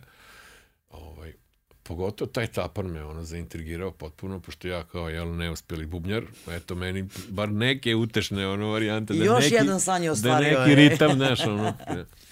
ne. Tako da sam ja ušao u tu ekipu, na kraju sam naravno Tapana, Ognjen se vratio, pa sam mi uvalili tamburu makedonsku, koja je opet žičan instrument, koja je ovaj, bila mnogo lakša meni, pošto sviram gitaru, a isti broj pragova ima kao na gitari. I opet mi se tu otvori novi svet. Uh, I nije ti bilo teško da se prilagodiš celom. Ne, ne, ne, ovaj, učio sam i skidao si s YouTube-a, naslušao se ono makedonskih, ono starih kola, onih eh, neparnih mozgolomnih eh, ritmova. Da, pritom je Iskon to vrlo, vrlo ozbiljno. i Pa vrlo, da, oni su to stvarno rade, posvećeno, vole to ljudi da rade. Deki je stvarno i možda najveći virtuoz u, u celoj grupi, Frulaš. On je sa svojim instrumentom stvarno došao do Da. nevjerovatnih Izvinite i ove gospođe sa svojim Onda recimo Milanka i Oljic, Oljica pevaju fantastično. Uskoro nam i Milanka Tu je dolazi. Balša sa violinom i sa isto žičanim instrumentima. Sad su pojačani sa dva izuzetna člana, isto vrhunski muzičari, tako da to mi, jako mi je drago zbog toga. Jeste bila pauza jedna kad se nije radilo. Ovaj, ja sam pozvan naravno da se priključim ponovo, ali sam se sa, jednostavno nisam mogao više toliko, na Ali toliko posećuješ promocije, da, pa ideš... da, gostovao sam na promociji sad njihova i čak na snimanju albuma sam gostovao na dve pesme. To su moji prijatelji dalje, ja ih uvek, gde god sviraju, ako imam priliku, odem da ih poslušam, da izgostujem, nikakav problem. Jednostavno ne mogu da, da budem s njima non stop, jer to bi mi bilo stvarno previše. Ja mislim da je jako važno da, da znaš, ima ljudi koji misle da nekako nije cool uh, uopšte znati nešto o, o, o svemu tome, kao da su to tekao, znaš. Kako ti punkire ono, ono E, bukvalno, nošnje? pa ne, ne, upravo, ne, upravo o tome ti pričam. Znaš, ne, ne spajaju te prvo ljudi sa tim, jer Ma ti baš me izgledaš potpuno drugačije, da. kažem. Ove, ali ne, ne mislim da je to loše, baš naprotiv, jer kao uh, ima, ima čak ljudi kod nas koji uopšte ne uspeju da, zato će Milanka doći ovde isto da priča E, o svemu pa tome. to Zato lepo što, uh, objasniti. uh, znaš, Uh, I tu ima nekog rock'n'rolla, narodnog, ali Čovječe, je to, emocije, to je to je lepota. čista emocija. Ja ne mogu to ljudima sad da, da objasnim. Dok sviraš to, dok slušaš to, to ja doživljam nevjerojatne stvari, znaš, i to emocije, bre. A jel emocije imaš i u rock'n'roll, imaš i tu, to je ta neka veza, razumeš. Drugo, to je jedan potpuno novi svet koji ti se otvara mu- muzike koja je bila pre tebe i pre tvojih i pre, znaš.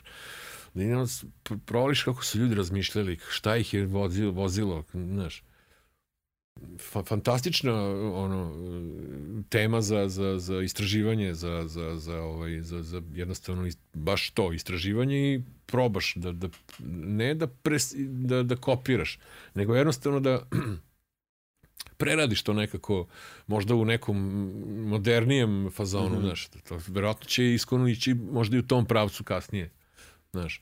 Tako da je to, ja, ja pamtim taj, taj, taj deo s njima je bio izuzetno zabavan. Mi smo čak i obišli malo i sveta. Nije da smo sad... A i dosta vas je uvek u Pa, bendu, znaš, znaš, ono- prvo dok se skupe. Pa da, bili smo u Francuskoj, Turskoj, Grčkoj. A što ti voliš te bendove, ovaj, e, bendove s kojima, su, koji su svi u različitim delovima sveta i grada? Pa Čak i šta- Iskon je u tri grada, ono kao Pa da, Novi da, Sad, jeste. Subotica i... I, i Ruma, ja mislim. Tako, ne, ne mogu sad da po... da, otprilike, Znaš, a, ovaj, a ovde neka ljudi kažu, ja ne mogu na probu, ono su, ovaj je sa zvezdore, ovaj s banjice, ovaj Pa kao, dobro, znaš, da. ono kao ne mogu da stignu. Baš sad u Nišu smo, ovaj, kad smo gostovali, go, Goša imao promociju knjige i na kraju je jedan dečko pitao, a da li je bolje da pravi bend sa ortacima ili sa potpuno nepoznatim ljudima? Kao. Je, odlično pitanje. Jest. Klinac, baš klinac, došao sa skejtom. On. Da. Odlično pitanje. Ja znam ljude koji misle da ne Znaš treba da sam se ono ja zamislio čoveč kao. Sam mu odgovorili tipa, pravi s kim hoćeš, jer praviti bend, napraviti bend nije uopšte problem Održati ga je problem. to. A to možeš da uradiš i sa ortacima koje ne poznaješ. Ja sam se s goblinima upoznao tako, znaš, vidi ove. A posle godinu dana sam svirao s njima. Da li onda postajete prijatelji, postajete čak porodica zapravo. Tako je, tako je. Znaš, a i to ume da bude zeznuto. A možeš da odrasteš s njim ono, iz ulaza, rezinu, pa napravite bend i onda se pošibate posle prvog albuma oko autorskih prava, oko ne znam čega, oko ne znam ovog. Jako je pipavo za autorski bend e, na, na naći ljude. Mislim, ja znam i, znaš, i po svom bendu kad gledamo, e, znaš, kad je, kad je dolazilo do situacije da treba da se promene neki članovi. Znaš, to je jako pipa moment. Znaš, da li ti tražiš nekoga ko je muzičar, wow, nebitno da li zarađuješ ili ne zarađuješ, mada kažu da jeste bitno. Ako se zarađuje, onda se lakše nađe ovaj, zamenski dobro, član. da, ako se radi da, to. ali e, ti da bi napravio bend koji onako ima neku energiju ili treba da ste već prijatelji ili da je neko s kime možeš Pa da ja sam više za prijatelj. tu varijantu, da, da, da je ličnost pre svega, a onda tehničke mogućnosti. Je tehničke mogućnosti možda navežbaš Pa ličnost, može i to. ono kao... Drugo da, je da se prilagodi. Misliš da ja sam neki gitarista, če ja sam ono, nikakav gitarista čovjek. Ali sam se prilagodio. To što znam dovoljno mi je, znaš. Ja sam čovjek crtač, kao nisam... Pa barataš sa onim što imaš. Neću ja budem Steve Vai ili da Čekaj, sviram ko, ovaj, ne prič, znam, ovaj ne piše tamo po knjigama da nije neki pevač, ovaj piš, priča da nije neki gitarista. Pa niko, pa nis, pa ti istina, ni- nismo nikakvi, niko od nas nije sedao kući satima i skidao, ne znam. Skale. Nije nam to uopšte bio, niti je golub sede kući i, i glumio pevača nekog. To se ni- Des, to, to što on radi, mnogo se stvari to što je desi njegov najveći neplanirano u kvalitet, životu, to što je znaš. njegov najveći kvalitet, to ni ne može da se vežba. Vidi, mnogo se stvari desi neplanirano u životu. i Ono se tako su slatke, baš zbog toga što se desi. Znaš, da je meni neko, kad sam imao 17 godina, rekao, ej, boje, moj prvi koncert je bio katastrofa, takav dizaster, da, da sam ja to večer odlučio da u životu više neću uzeti gitaru u ruke. Toliko sam bio deprimiran, ono.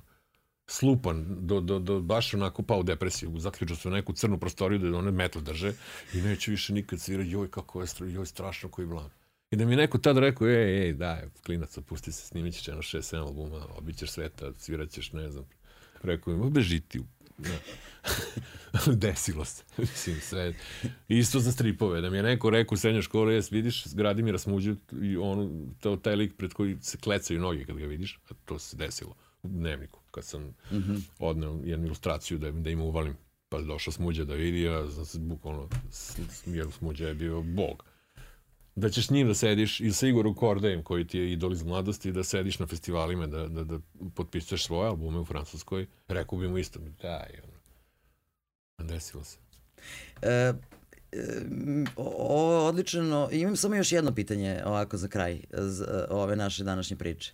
E, znaš, pričali smo o Golobu koji je napisao biografiju, e, pričam, pričali smo i o tim nekim muzičarima koji su pisali svetskim i ovim koji su pisali svoje biografije. Tebe mrzi da pišeš biografiju. Nisam ali vidiš, pisac. relativno skoro su počele da se pojavljuju, uključujući i Nika Cave-a, ima i Johnny Cash, e, te ovaj, strip biografije. A, Zapravo, vidio, da. interesantne. Uh, koje, mislim, uh, ta jedna lepa, divna knjižica, strip knjižica o Niko Kevo je, ovaj, koja pritom i nije klasična biografija zapravo i sam je rekao, ali nije ni bitno, je jedna od mojih omiljenih u kolekciji, da. moram da priznam. Jel ti palo na pamet nekad tako ne, nešto ne, da uradiš? ne, ne, ne, ne, ne. Ne, neku, ne mora čak da bude biogra- biografska stvarno, ali da Ne, bude na nije. neki način vezana za, za tvoj život i za Nije karijeru. stvarno. Nije, jer jednostavno ne mogu ja da prekopavam sad po sebi i to da... Znaš, bilo šta je bilo super, ajde, znaš, ja čekam te tako neočekivane stvari. A, ovaj, a da ti neko... Znaš, ono bežiš od prilika, one te stignu.